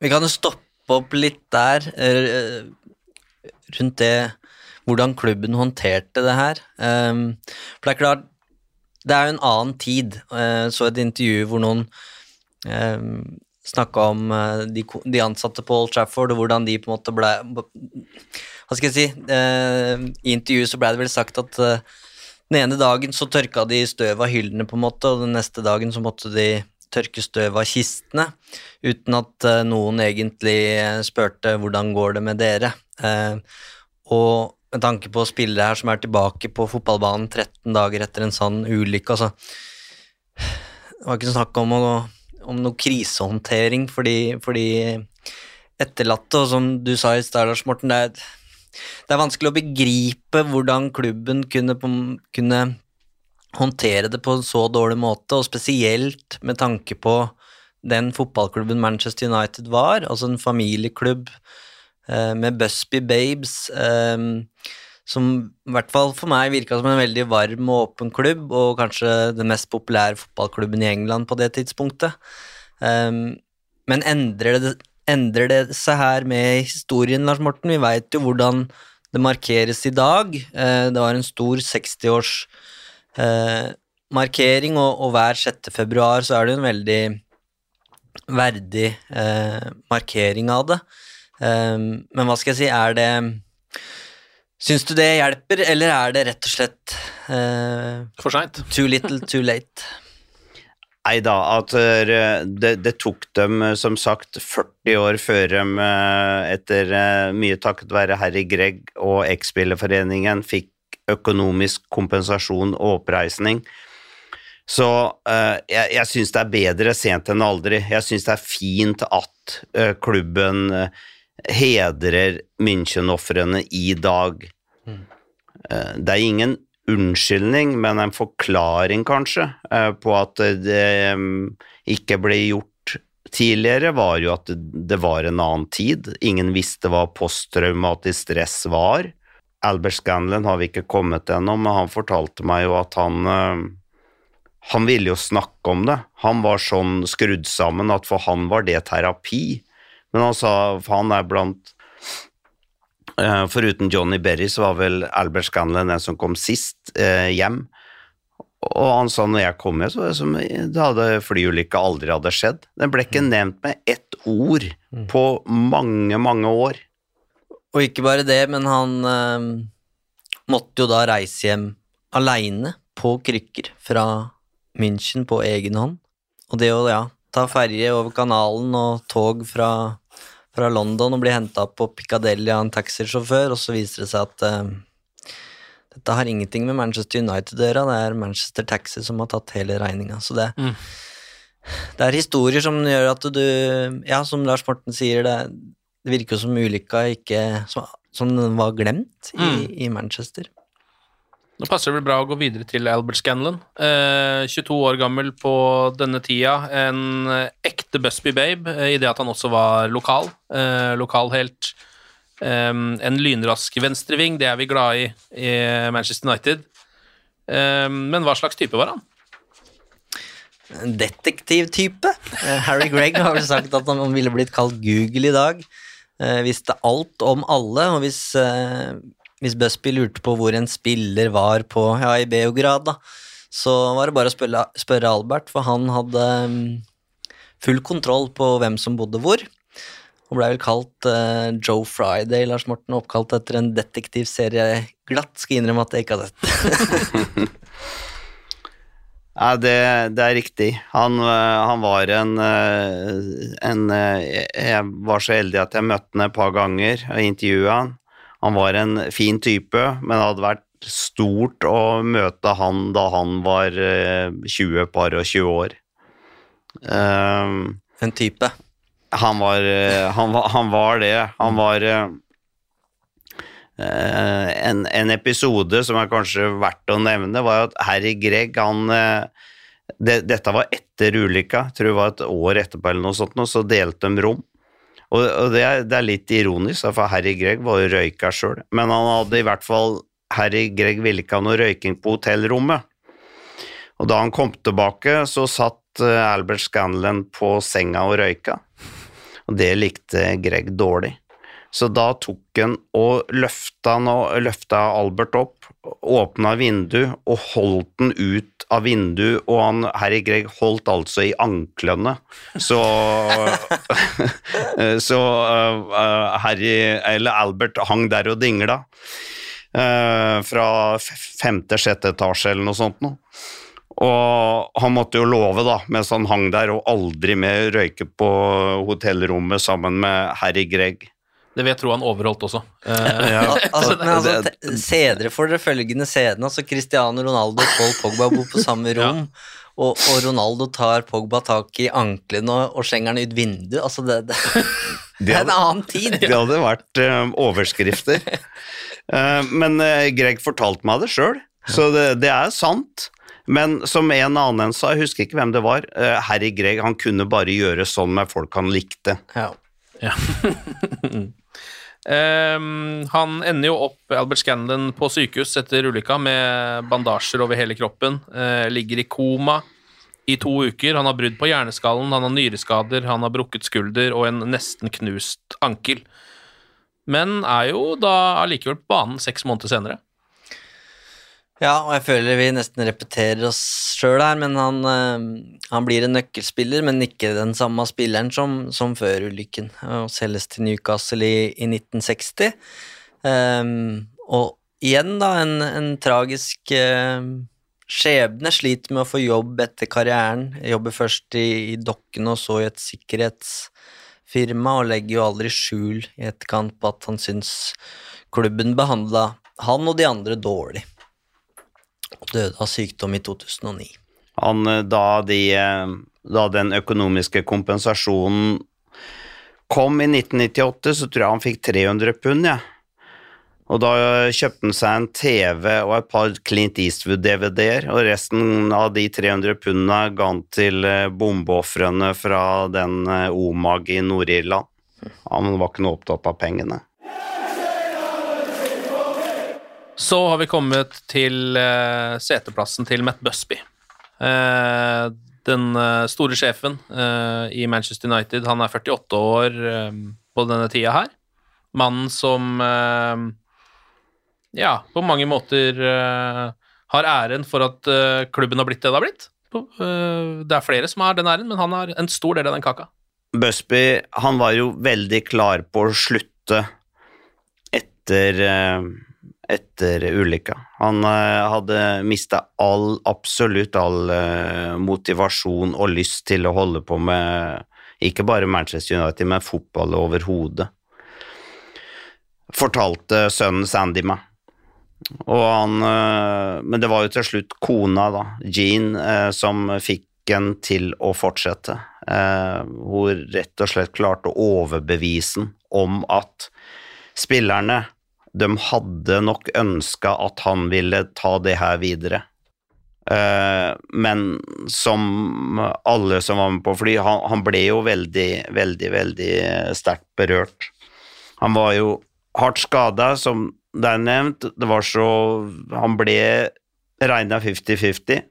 Overlevde uh, med store fysiske skader var jo altså så eh, nære å dø at han fikk den såkalte siste olje, eh, som jo er sånn katolsk rituale når du ligger ved døden. Han fikk den tre ganger. Det er, det er riktig. I'll never forget the first time we all met him again. We were all assembled in the dressing room, and he looked at us all. Tears came in his eyes, and he just walked out.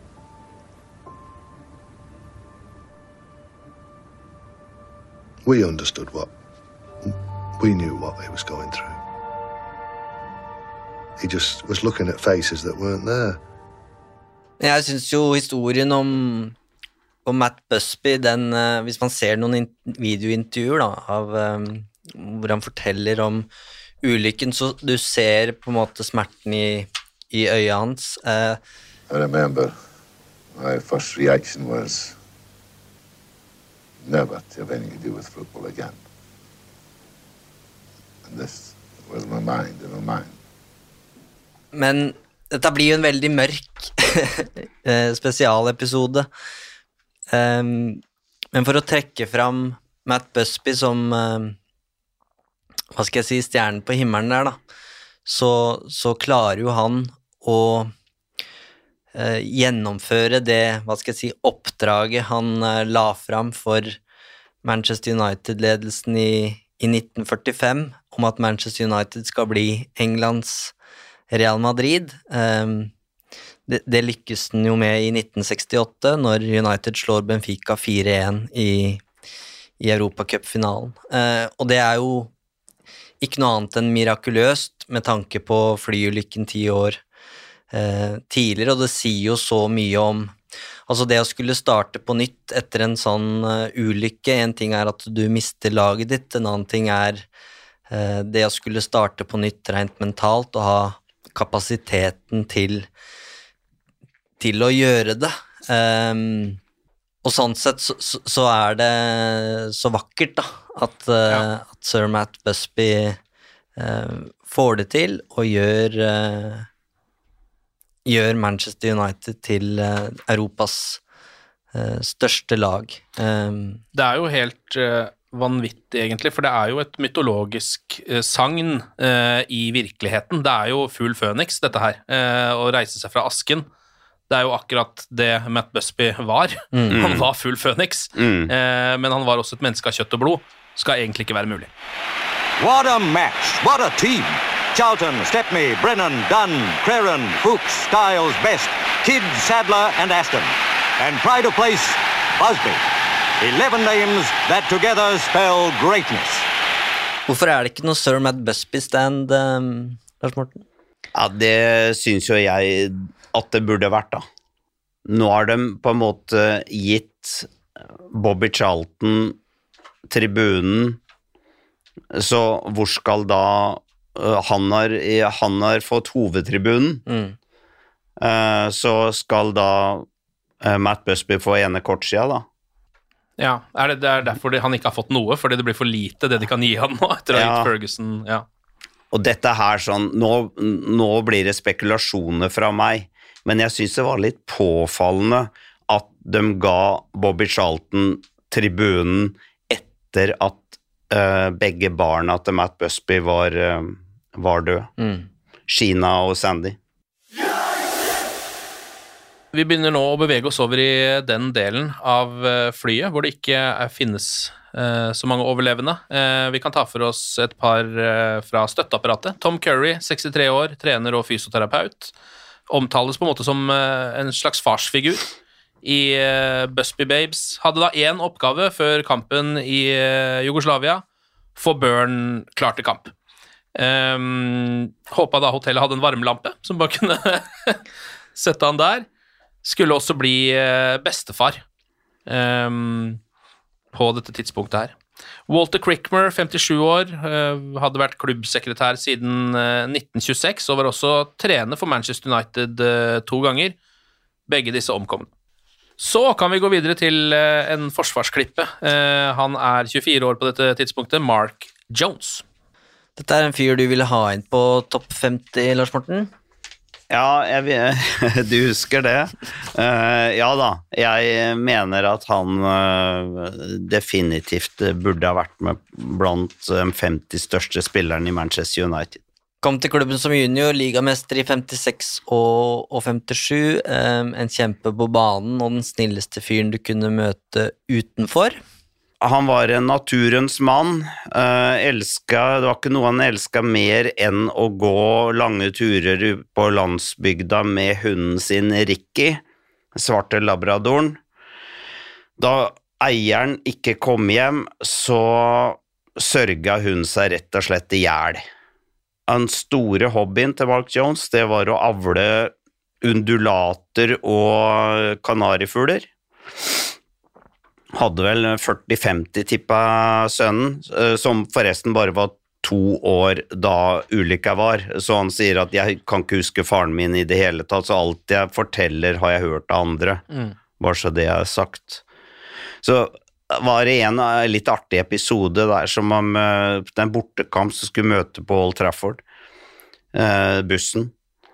Og da kom Mark Jones en time for sent. Han kom i rolig gange, og Matt Busby freste. Og han sa 'hvorfor kommer du for sent?' Og så sier Mark Jones rolig at en av undulatene var syk. Du, du forventa vel ikke at jeg bare skulle gå fra fuglen sånn uten videre?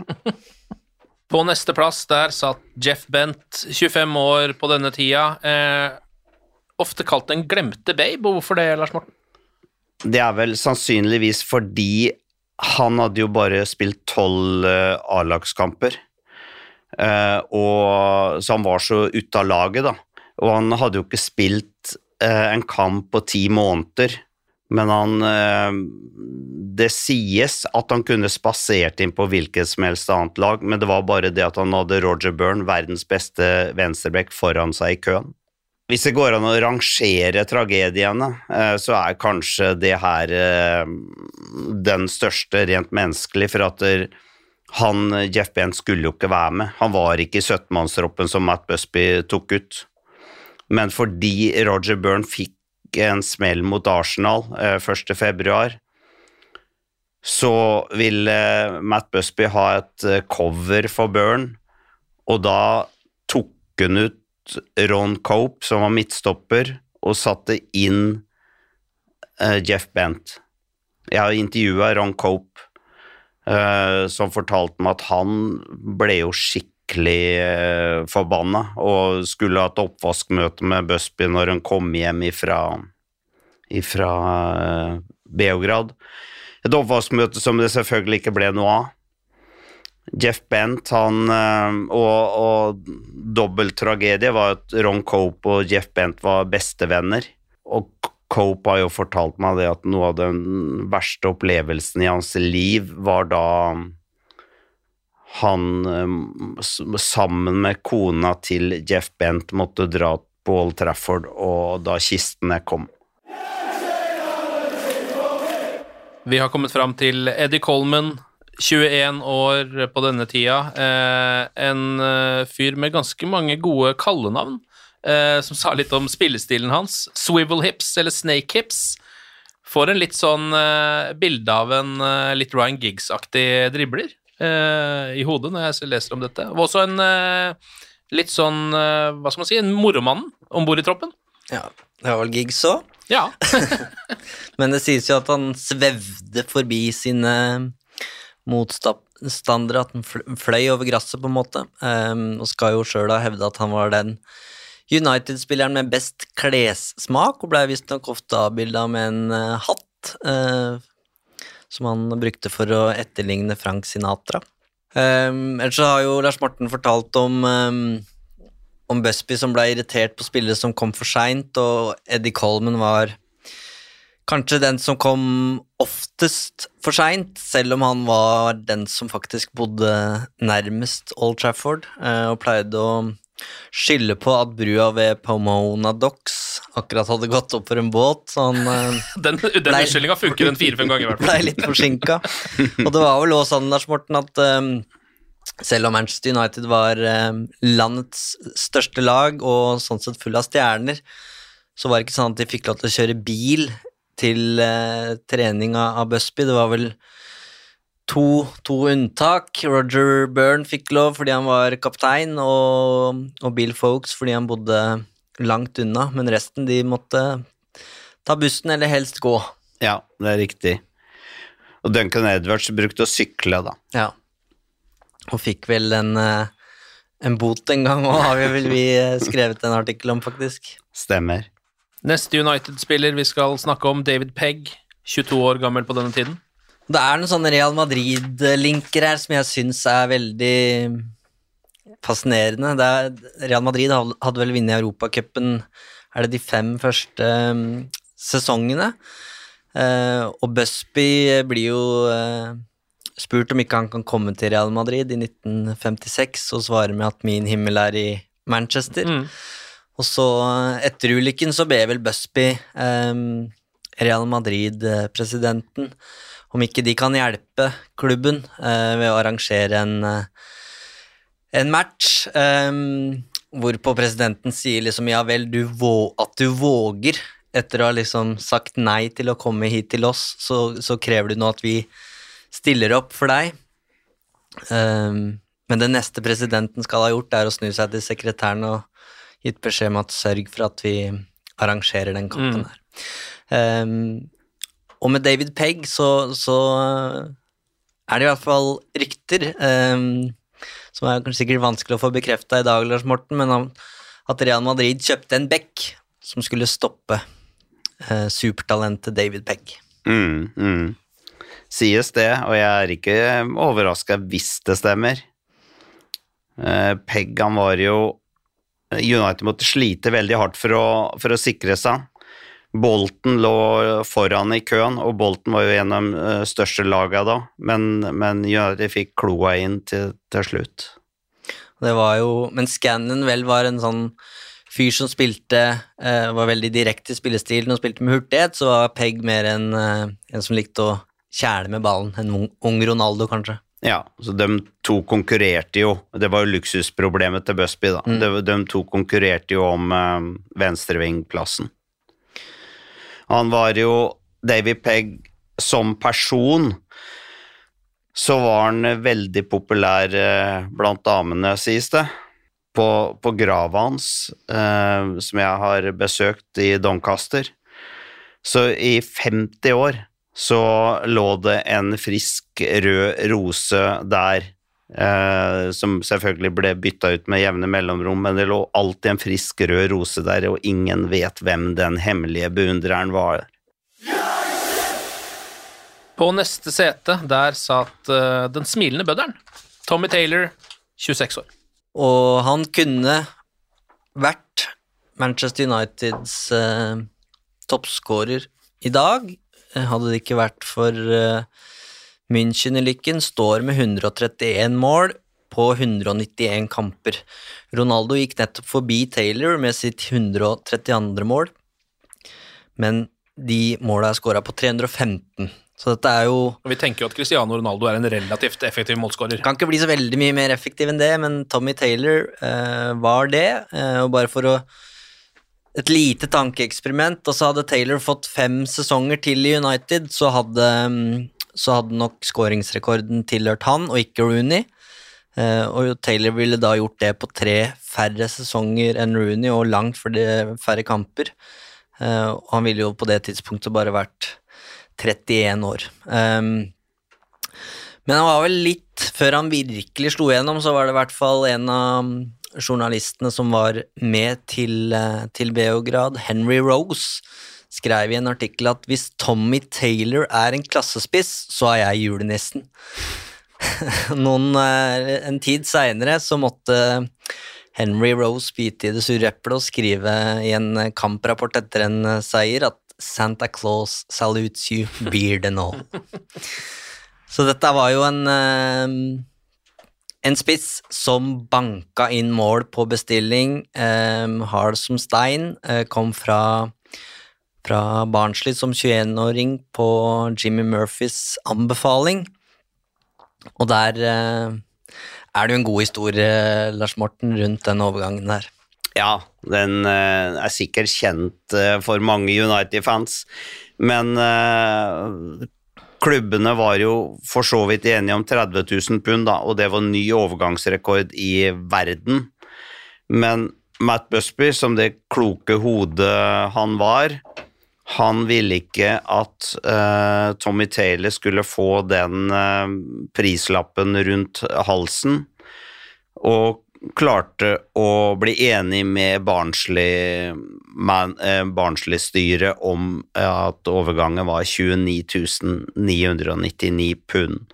Og så stakk eh, Busby til den dama som serverte dem te under forhandlingene, han stakk den dama ett pund. Var det Matt Busby også som kom på å sette ned priser på alt fra liksom 1000 til 999 isteden? eh, Sånn at folk tror det er billigere å kjøpe, kjøpe TV-en? Near the German goalmouth, left half Duncan Edwards cuts through the defence line like a knife through butter. He beats Wafers and shoots, and it's in the net. A beautiful goal. Neste spiller vi skal snakke om Det var mange store United-spillere eh, om bord på dette flyet. Mange mener vel kanskje allikevel at den største av dem var Duncan Edwards. Fortsatt ung, 21 år bare. Hva var det som var så spesielt med Duncan Edwards, eh, Lars Morten? Den enkle forklaringa, eh, som, Matt Busby, som er Matt Busbys ord, er at eh, Duncan Edwards hadde alt. Han hadde absolutt alt. Eh, Wilf, Wilf McInnes, som jo spilte i samme posisjon som eh, Duncan Edwards, han eh, sa til meg at eh, jeg sier ikke at Duncan Edwards kunne blitt tidenes beste, for de er jo mange som sier. Han var jo tross alt bare 21 år. Men ifølge Wilf McInnes så var Duncan Edwards tidenes beste fotballspiller. Bobby Charlton har jo snakka om Pelé og Maradona og George Best osv., men trekker fram Duncan Edwards eh, fordi han var best i alle spillets faser. Jimmy Murphy eh, har jo sagt populært at um, han hører st stadig at Mohammed Ali er uh, tidenes største toppidrettsutøver, men uh, for han så vil det alltid være Duncan Edwards. And, and I'd- I'll, I'll give you one story. We were playing Chelsea in the uh, semi-final of a youth cup game, and before the game, Jimmy Murphy had said, "Look, you, you're great young players. You're playing for Manchester United. A lot of you are going to go on for England, and we've got a player, Duncan Edwards, who's in the team. Now, I don't want you to have a, an Edwards complex." He said before the game, whenever you get the ball, I don't want you to think, "Oh, we've got to give it to Duncan." look for each other, your quality players. Play it, everybody get a feel of the ball. And at half time it was nil nil. And things weren't going well, and uh, he was giving us Gina's up Murphy. And just before he went out, he said, And by the way, whenever you get the ball this half, look for Duncan, he said. And we did, and we won. And Og det er et eller annet med, med Duncan Edwards i den historien her som, som du merker at det er noe spesielt. Eh, jeg syns i hvert fall at du, når du hører eh, lagkameratene snakke om Duncan Edwards, så skjønner du etter hvert hvilken påvirkningskraft han, han hadde. Um, han er jo bare 21 år på det tidspunktet her. Ser vel ikke ut som en 21-åring, for han er eh, en svær murvegg. Ble kalt The Manboy. The Manboy. Um, og i en av de nevnte kampene mot Real Madrid, så dette er på overtid, så er det en Real Madrid-spiller som ligger nede, og Duncan Edwards, 21 år, bare tar tak i den spanjolen og på en måte prøver å bære den av banen. Eh, så det er en fryktløs fyr eh, som tar ansvar. Nevnte Wilf McInnes har vel sagt til Lars Morten at er det én ting han mangla, så var det en litt sånn Nasty edge, ja. Nasty edge. Altså knallhard på banen, som vi sier, da, men, men alltid fair. Um, og for å gå litt tilbake til den nevnte um, boten Altså, han sykla, sykla vel uten lys uh, og fikk en bot på ett pund av uh, politiet i Manchester, og kunne jo da selvfølgelig spilt kjendiskortet og sagt uh, jeg heter Duncan Edwards. Du Vet jo ikke hvem jeg er? Mm. Men han godtok boten på, på ett pund, og i så måte en ydmyk gentleman. Han eh, storvokst som han var, så ble han jo kalt The Tank av mange fans. Mens medspillerne de kalte han for The Brush, altså kosten, fordi han eh, satte sin ære i å ha det rent og pent rundt seg. Og han, eh, før match så la han alltid trøye, bukse og selv fotballstrømpene nystrøket fram. Og han brukte å si til de yngre spillerne at en god prestasjon på banen starter med godt grunnlag og, og god moral. Det, han er fortsatt bare 21 år gammel på den tida. Det høres på en måte for godt ut til å være sant. Ja, det gjør nesten det. Og Duncan Edwards er jo den som dør sist. Han dør jo um, 15 dager etter uh, forloveden Molly, Molly Leach, og foreldrene de drar jo til München og besøker han. Han er jo inn og ut av koma. Det, det, det svinger jo disse dagene her ifra håp til eh, fortvilelse og til pessimisme. Men, men til slutt så går det gærent, da. Og det, øh, det står i en eller annen bok at dere, for foreldrene da det, han, han han lå jo ikke i en sykeseng, han så ikke ut som en som døde. Han satt oppreist i senga Mm. da han eh, trakk sitt uh, siste åndedrag. Det virker som meg fra dø altså dødsbudskapet um, om Duncan Edwards her, det, det blir på en måte nesten en ny tragedie. En, en tragedie i seg sjøl. Altså han i hvert fall mitt inntrykk er at han representerte på en måte et slags håp i all elendigheten her. Eh, han var jo lagets største stjerne, eh, og, det var et håp om at han skulle reise seg fra asken som en føniks og på en måte lede Manchester United inn i, inn i fremtida. Så når den beskjeden kommer, og det, det er jo er det to uker etterpå, Mm. så blir det på en måte et nytt slag. Harry Gregg eh, fortalte meg at da han eh, fikk den beskjeden, så begynte han å gråte, og han hadde ikke grått siden han var liten gutt. Og han sa jo det at det var ikke fordi at Duncan Edwards for han betydde noe mer, men det var da, da kom alt tilbake. Og selv om vi er her eh, og snakker om United, så, så skal jo ikke glemme England heller. Han hadde, ut, han hadde jo vært en nøkkelspiller for England i 58, og det sies vel eh, Jimmy Armfield har blant annet sagt at han er overbevist om at England hadde vunnet VM i 58 med Duncan Edwards og, og Roger Byrne, blant annet.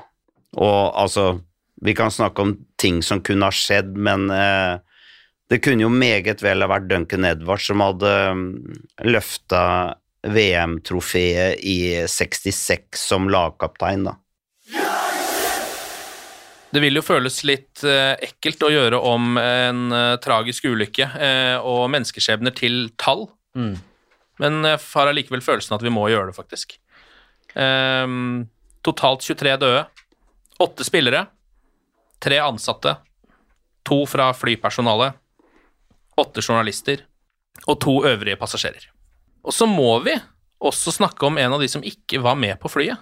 Eh, For han er en såpass viktig del av denne historien, allerede blitt nevnt eh, flere ganger. Jimmy Murphy. Han var landslagssjef for Wales og er derfor ikke med til eh, Beograd, men det var Busby som bestemte at, at Murphy ikke altså skulle lede Wales eh, i, i februar her og ikke, ikke være med til, eh, til Beograd. Eh, Wales slår Israel eh, og eh, kvalifiserer seg dermed til VM i, eh, i Sverige. Busby og Murphy kjente hverandre fra fotballmiljøet på, på 30-tallet. Um, da Busby spilte for City og Murphy spilte for West Bromwich, uh, så treffer de hverandre igjen i Italia, av alle ting, under andre verdenskrig. Um, og Busby lar seg imponere av Murphys uh, teamtalk for et militærlag, uh, og dermed så er um, er eh, et kameratskap som skal eh, gå inn i evigheten eh, etablert. Um, og Murphy er den første Busby skriver kontrakt med som United-manager, og har seinere sagt at det, det nok var hans viktigste signering. Og det var Murphy som leda juniorlaget til fem strake FA Youth Cup-titler, eh, og da, han er jo en um, veldig veldig viktig um, Jeg syns det blir feil å bruke ordet assistent, uh, Lars Morten, for han blir jo Manchester Uniteds redningsmann. Ja, han, han blir det, og han er eh, etter min og manges eh, mening, han er undervurdert eh, nå, hans betydning. Harry Greg han eh, sa rett ut at hvis det ikke hadde vært for, eh, for Jimmy Murphy, så hadde det ikke vært noe Manchester United. Fordi klubben ville jo, eller styret, ville legge ned, i hvert fall midlertidig, eh, eh, Manchester United etter flyulykka. I hvert fall ta dem ut av alle turneringer. Eh, men Murphy, eh, han var eh, sa og klarte å overbevise styret om at Matt Busby eh, vil at jeg skal styre skuta. Så da, da ble det sånn, og vi, vi kan ikke engang Og jeg intervjua sønnen hans, Jimmy Murphy jr., og han sa jo det at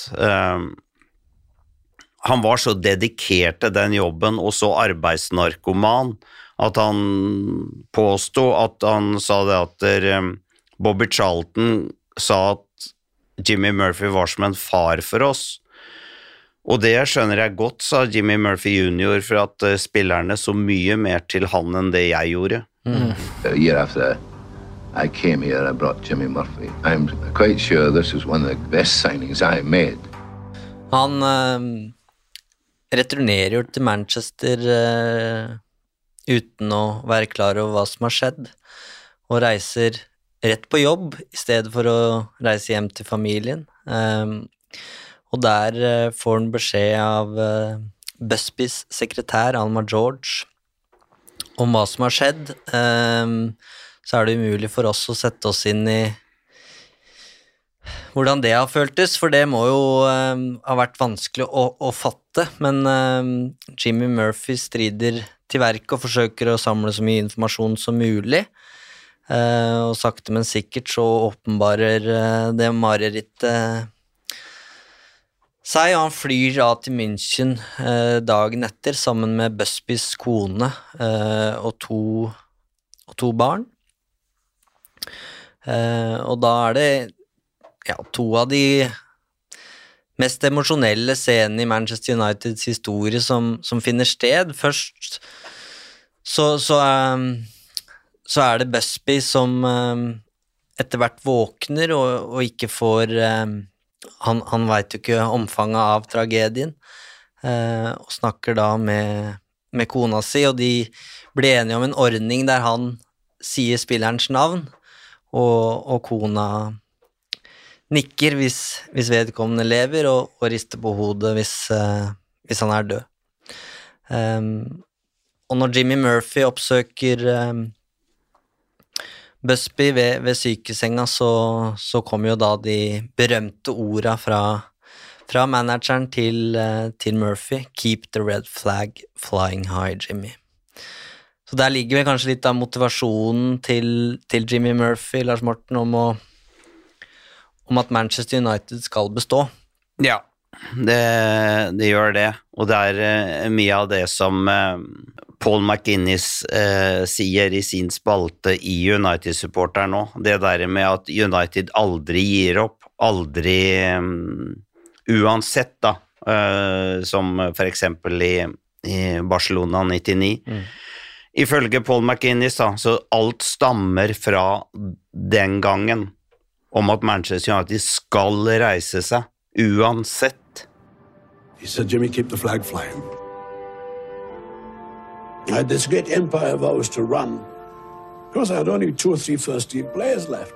Ja, og uh, Murphy er jo, uh, tar jo over laget, uh, og er jo en mye mer direkte fyr enn hva skal jeg si, menneskekjenneren og tenkeren Busby. Um, så på vei til, til, den første kampen han skal lede Manchester United som, som trener, så omringes han av journalister. Uh, og så spør de Do you have a quote for us, Jimmy? Yeah, if you don't get out of my way, I will piss on your shoes. Så dette Det er i det minste et sitat, det er det ikke noe tvil om. det er et sitat. Og det viser at det er en uh, litt annen trenertype, da, som, eh, som tar over. Um, og det blir jo selvfølgelig vrient. Uh, de første 14 ligamatchene etter 6. februar så vinner United kun én. Uh, de skårer knapt mål. Så tar de et uhyre sterk 2-1-seier over Milan i, i, første semifinalen i Europacupen, men uh, taper returen 4-0, da. Og der skal det jo skytes inn at um, United tok selvfølgelig ikke fly til Milano, og den reisen tok visst 48 timer. Å komme seg gjennom eh, Europa uten mm. fly, ja. Mm. Vet vi noe om hvor lang tid det tok før Manchester United begynte å fly igjen? Det var, i, det var 28. april eh, 59. En eh, vennskapskamp mot Feyenoord da fløy eh, laget for første gang sammen, og da var både Jimmy Murphy og Matt Busby om bord på flyet, og det sies at de tok seg et par eh, stramme brandy før de gikk om bord. Mm.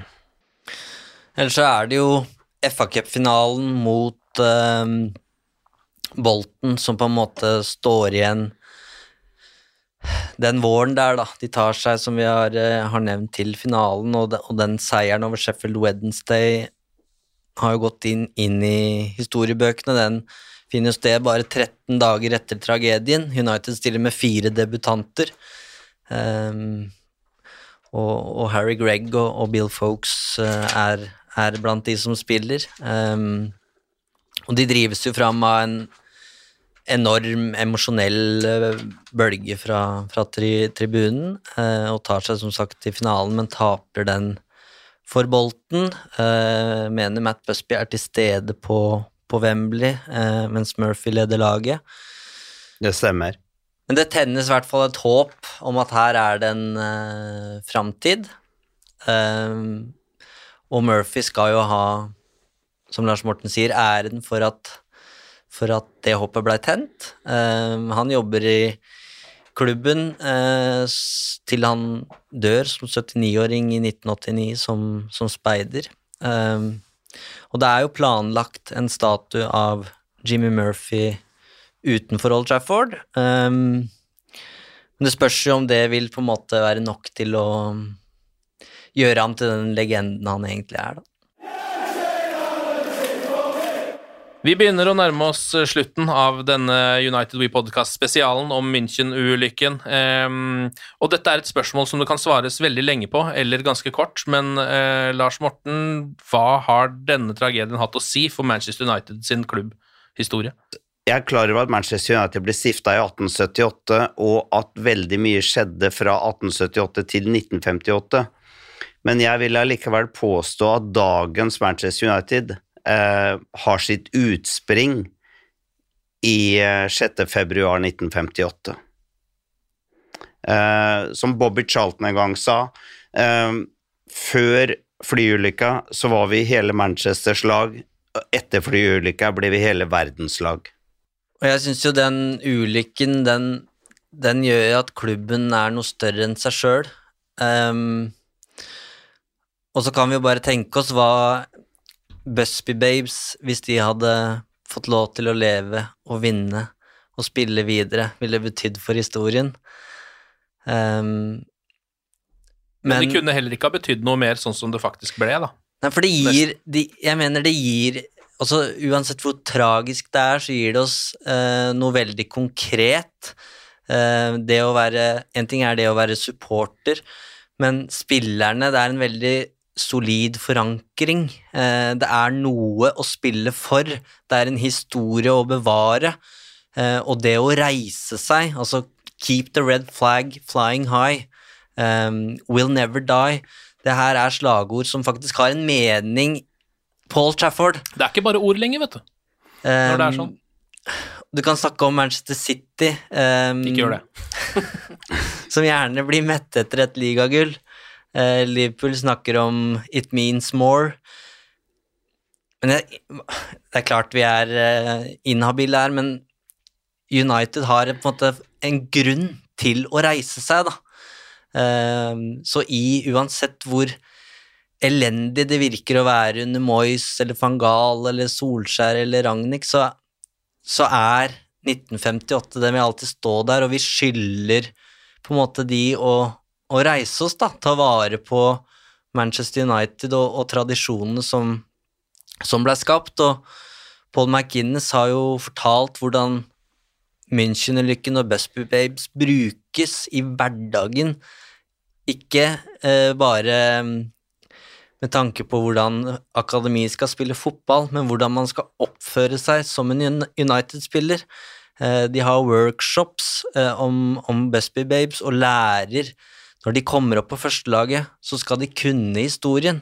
De skal vite hvilke fotspor de går i, og som United-talent der, så, så tenker jeg at du får Du får noe ekstra å, å spille for. Det er en veldig konkret motivasjon, da. Og jeg tror også når du kommer opp som Marcus Rashford og, og også på en måte skjønner at det her betyr vanvittig mye for de jeg spiller for, altså supporterne, så blir det en sånn veldig mm, solid eh, lenke, eh, en bro mellom fans og, og spillere som gjør at selv så tragisk som München-ulykken var, så er det på en måte blitt eh, Uniteds DNA da, i dag. Hva er eh, 6. februar for deg, Lars Morten? Det er jo en uh, veldig spesiell dato som uh, jeg markerer eh, på min måte. Eh, enten jeg er hjemme eller i England eller i München. Nå har jeg vel vært Nå skal jeg til München og dra på lørdag eh, sammen med broren min og to kompiser. Eh, jeg har vært der en tror jeg en åtte-ti ganger nå. Den gamle slåsskjempen eh, Tony O'Neill han sa at han syns at alle United-supportere må til eh, Trudering og München minst én gang i livet, og det er jeg faktisk enig i. Eh, det gir så mye å være der ved den eh, markeringen da fire minutter over tre, som selvfølgelig Den pågår jo i lenger enn det, da, men den markeres alltid ved minnemerket der ute i, i Trudering, der den gamle, eh, gamle flyplassen var. Og det er flott å se åssen de eh, lokale menneskene der hedrer det på sin måte, de òg. Eksempel politiet stopper Nå er ikke det veldig stort om, eller trafikkert område, men uansett. Politiet sørger for å stoppe all trafikk, så vi kan på en måte ha den eh, stunden i fred, da. Eh, ja, det er i det hele tatt en veldig, veldig sterk markering uh, som supporterne står bak. Nå, nå, skal det sies at jeg er litt spent åssen uh, det er nå, for da, det var jo ikke noe i fjor pga. koronaen, men da jeg var der for to år siden, så syns jeg, jeg vet ikke om alle er enig i det, men min mening er at Bayern München tok litt for stor plass. Uh, de var der med flere representanter som jeg mener det var Romenig og Oli Hønes, og, og holdt taler.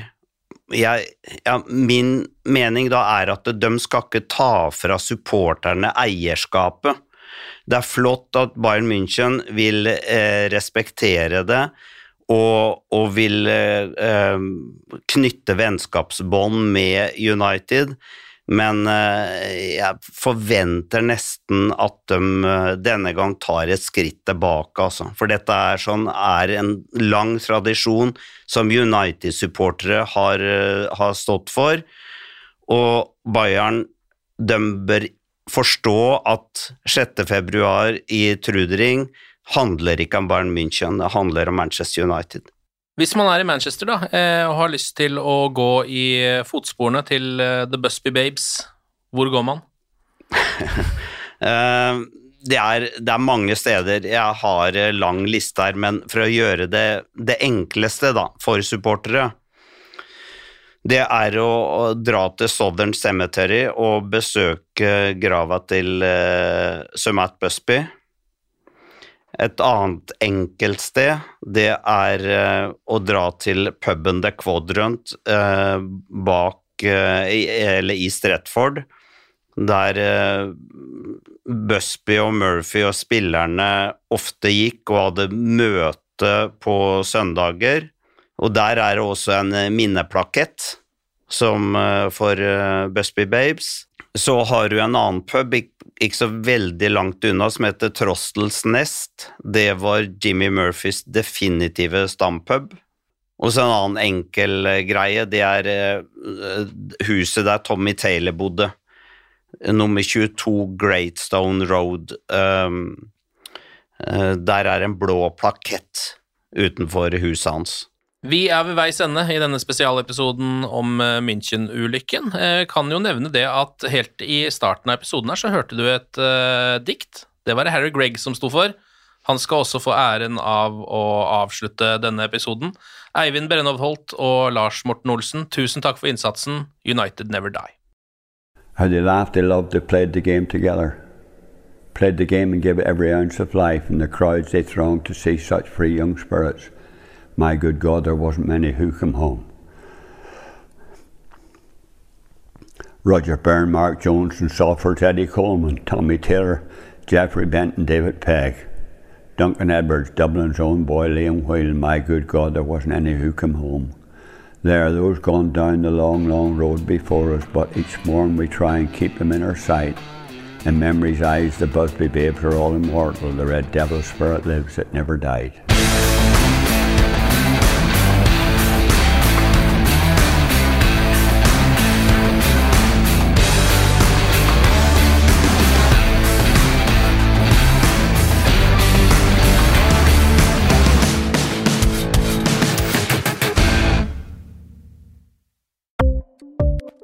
Ukens annonsør det er matkasseleverandøren Hello Fresh.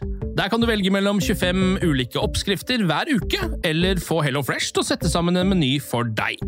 Jeg sparer tid på å handle, oppskriftene er veldig enkle å lage, og så får jeg akkurat det jeg trenger da, til hver eneste rett, så jeg slipper å kaste så mye mat som jeg vanligvis gjør. Det er også litt deilig å faktisk slippe å gå på butikken, ikke bare fordi det er tidkrevende, og sånn, men fordi man ender opp med å kjøpe så mye greier som man egentlig ikke trenger, sånn som fire poser eh, Smash og en kick med havsalt, eksempel. Det er ikke det du egentlig er der for, du er der for å kjøpe, kjøpe middag. Så det er en veldig eh, kjekk ting. I tillegg så er det jo eh, ferdigporsjonerte ingredienser, det blir mindre matsvinn, og du betaler bare for det du faktisk trenger, og det du faktisk da spiser. I tillegg så blir det da levert på døra eh, til et fastsatt tidspunkt, sånn at du kan få det akkurat når det passer for deg eh, sjæl. Hvis HelloFresh høres ut som noe for deg, så har jeg en rabattkode du kan bruke også. Gå inn på hellofresh.no og bruk koden HelloUnited24. HelloUnited i ett ord, også 24, og få opptil 1779 kroner i rabatt på de fem første matkassene dine hvis du ikke har prøvd Hello Fresh ennå. Du kan også bruke koden hvis du tidligere har vært kunde, men har stoppa abonnementet ditt for tolv måneder siden eller mer. Det er ingen bindingstid, og du kan pause eller avslutte abonnementet ditt akkurat når du selv måtte ønske. Husk koden HelloUnited24, og bon appétit! Ukens annonsør er Folio, en smartere banktjeneste for deg som har en egen bedrift eller ønsker å starte for deg selv. Folio er en superenkel nettbank for bedrifter. Som kunde i Folio får du en bedriftskonto med et bedriftskort og app. I denne appen er det smarte løsninger som forenkler regnskapet ditt, uansett om du har en liten bedrift eller et enkeltpersonsforetak. Folio er både intuitivt og brukervennlig, og er laget med et enkelt språk. I tillegg tilbyr de forutsigbare priser og ingen skjulte gebyrer. Skulle du likevel trenge det, så kan du snakke med deres raske og hyggelige kundeservice, og der får du prate med en faktisk person og ikke en chatbot. Folio er med andre ord både enklere og koseligere enn banken. Over 10 000 bedrifter har allerede valgt Folio som sin banktjeneste, så besøk folio.no og se hvordan Folio kan forenkle din hverdag også. Har du et enkeltpersonforetak eller en liten bedrift? Da er du sikkert lei av å høre meg snakke om hvor enkelt det er med kvitteringer og bilag i fiken, så vi eh, gir oss her, vi. Fordi vi liker enkelt. Fiken superenkelt regnskap.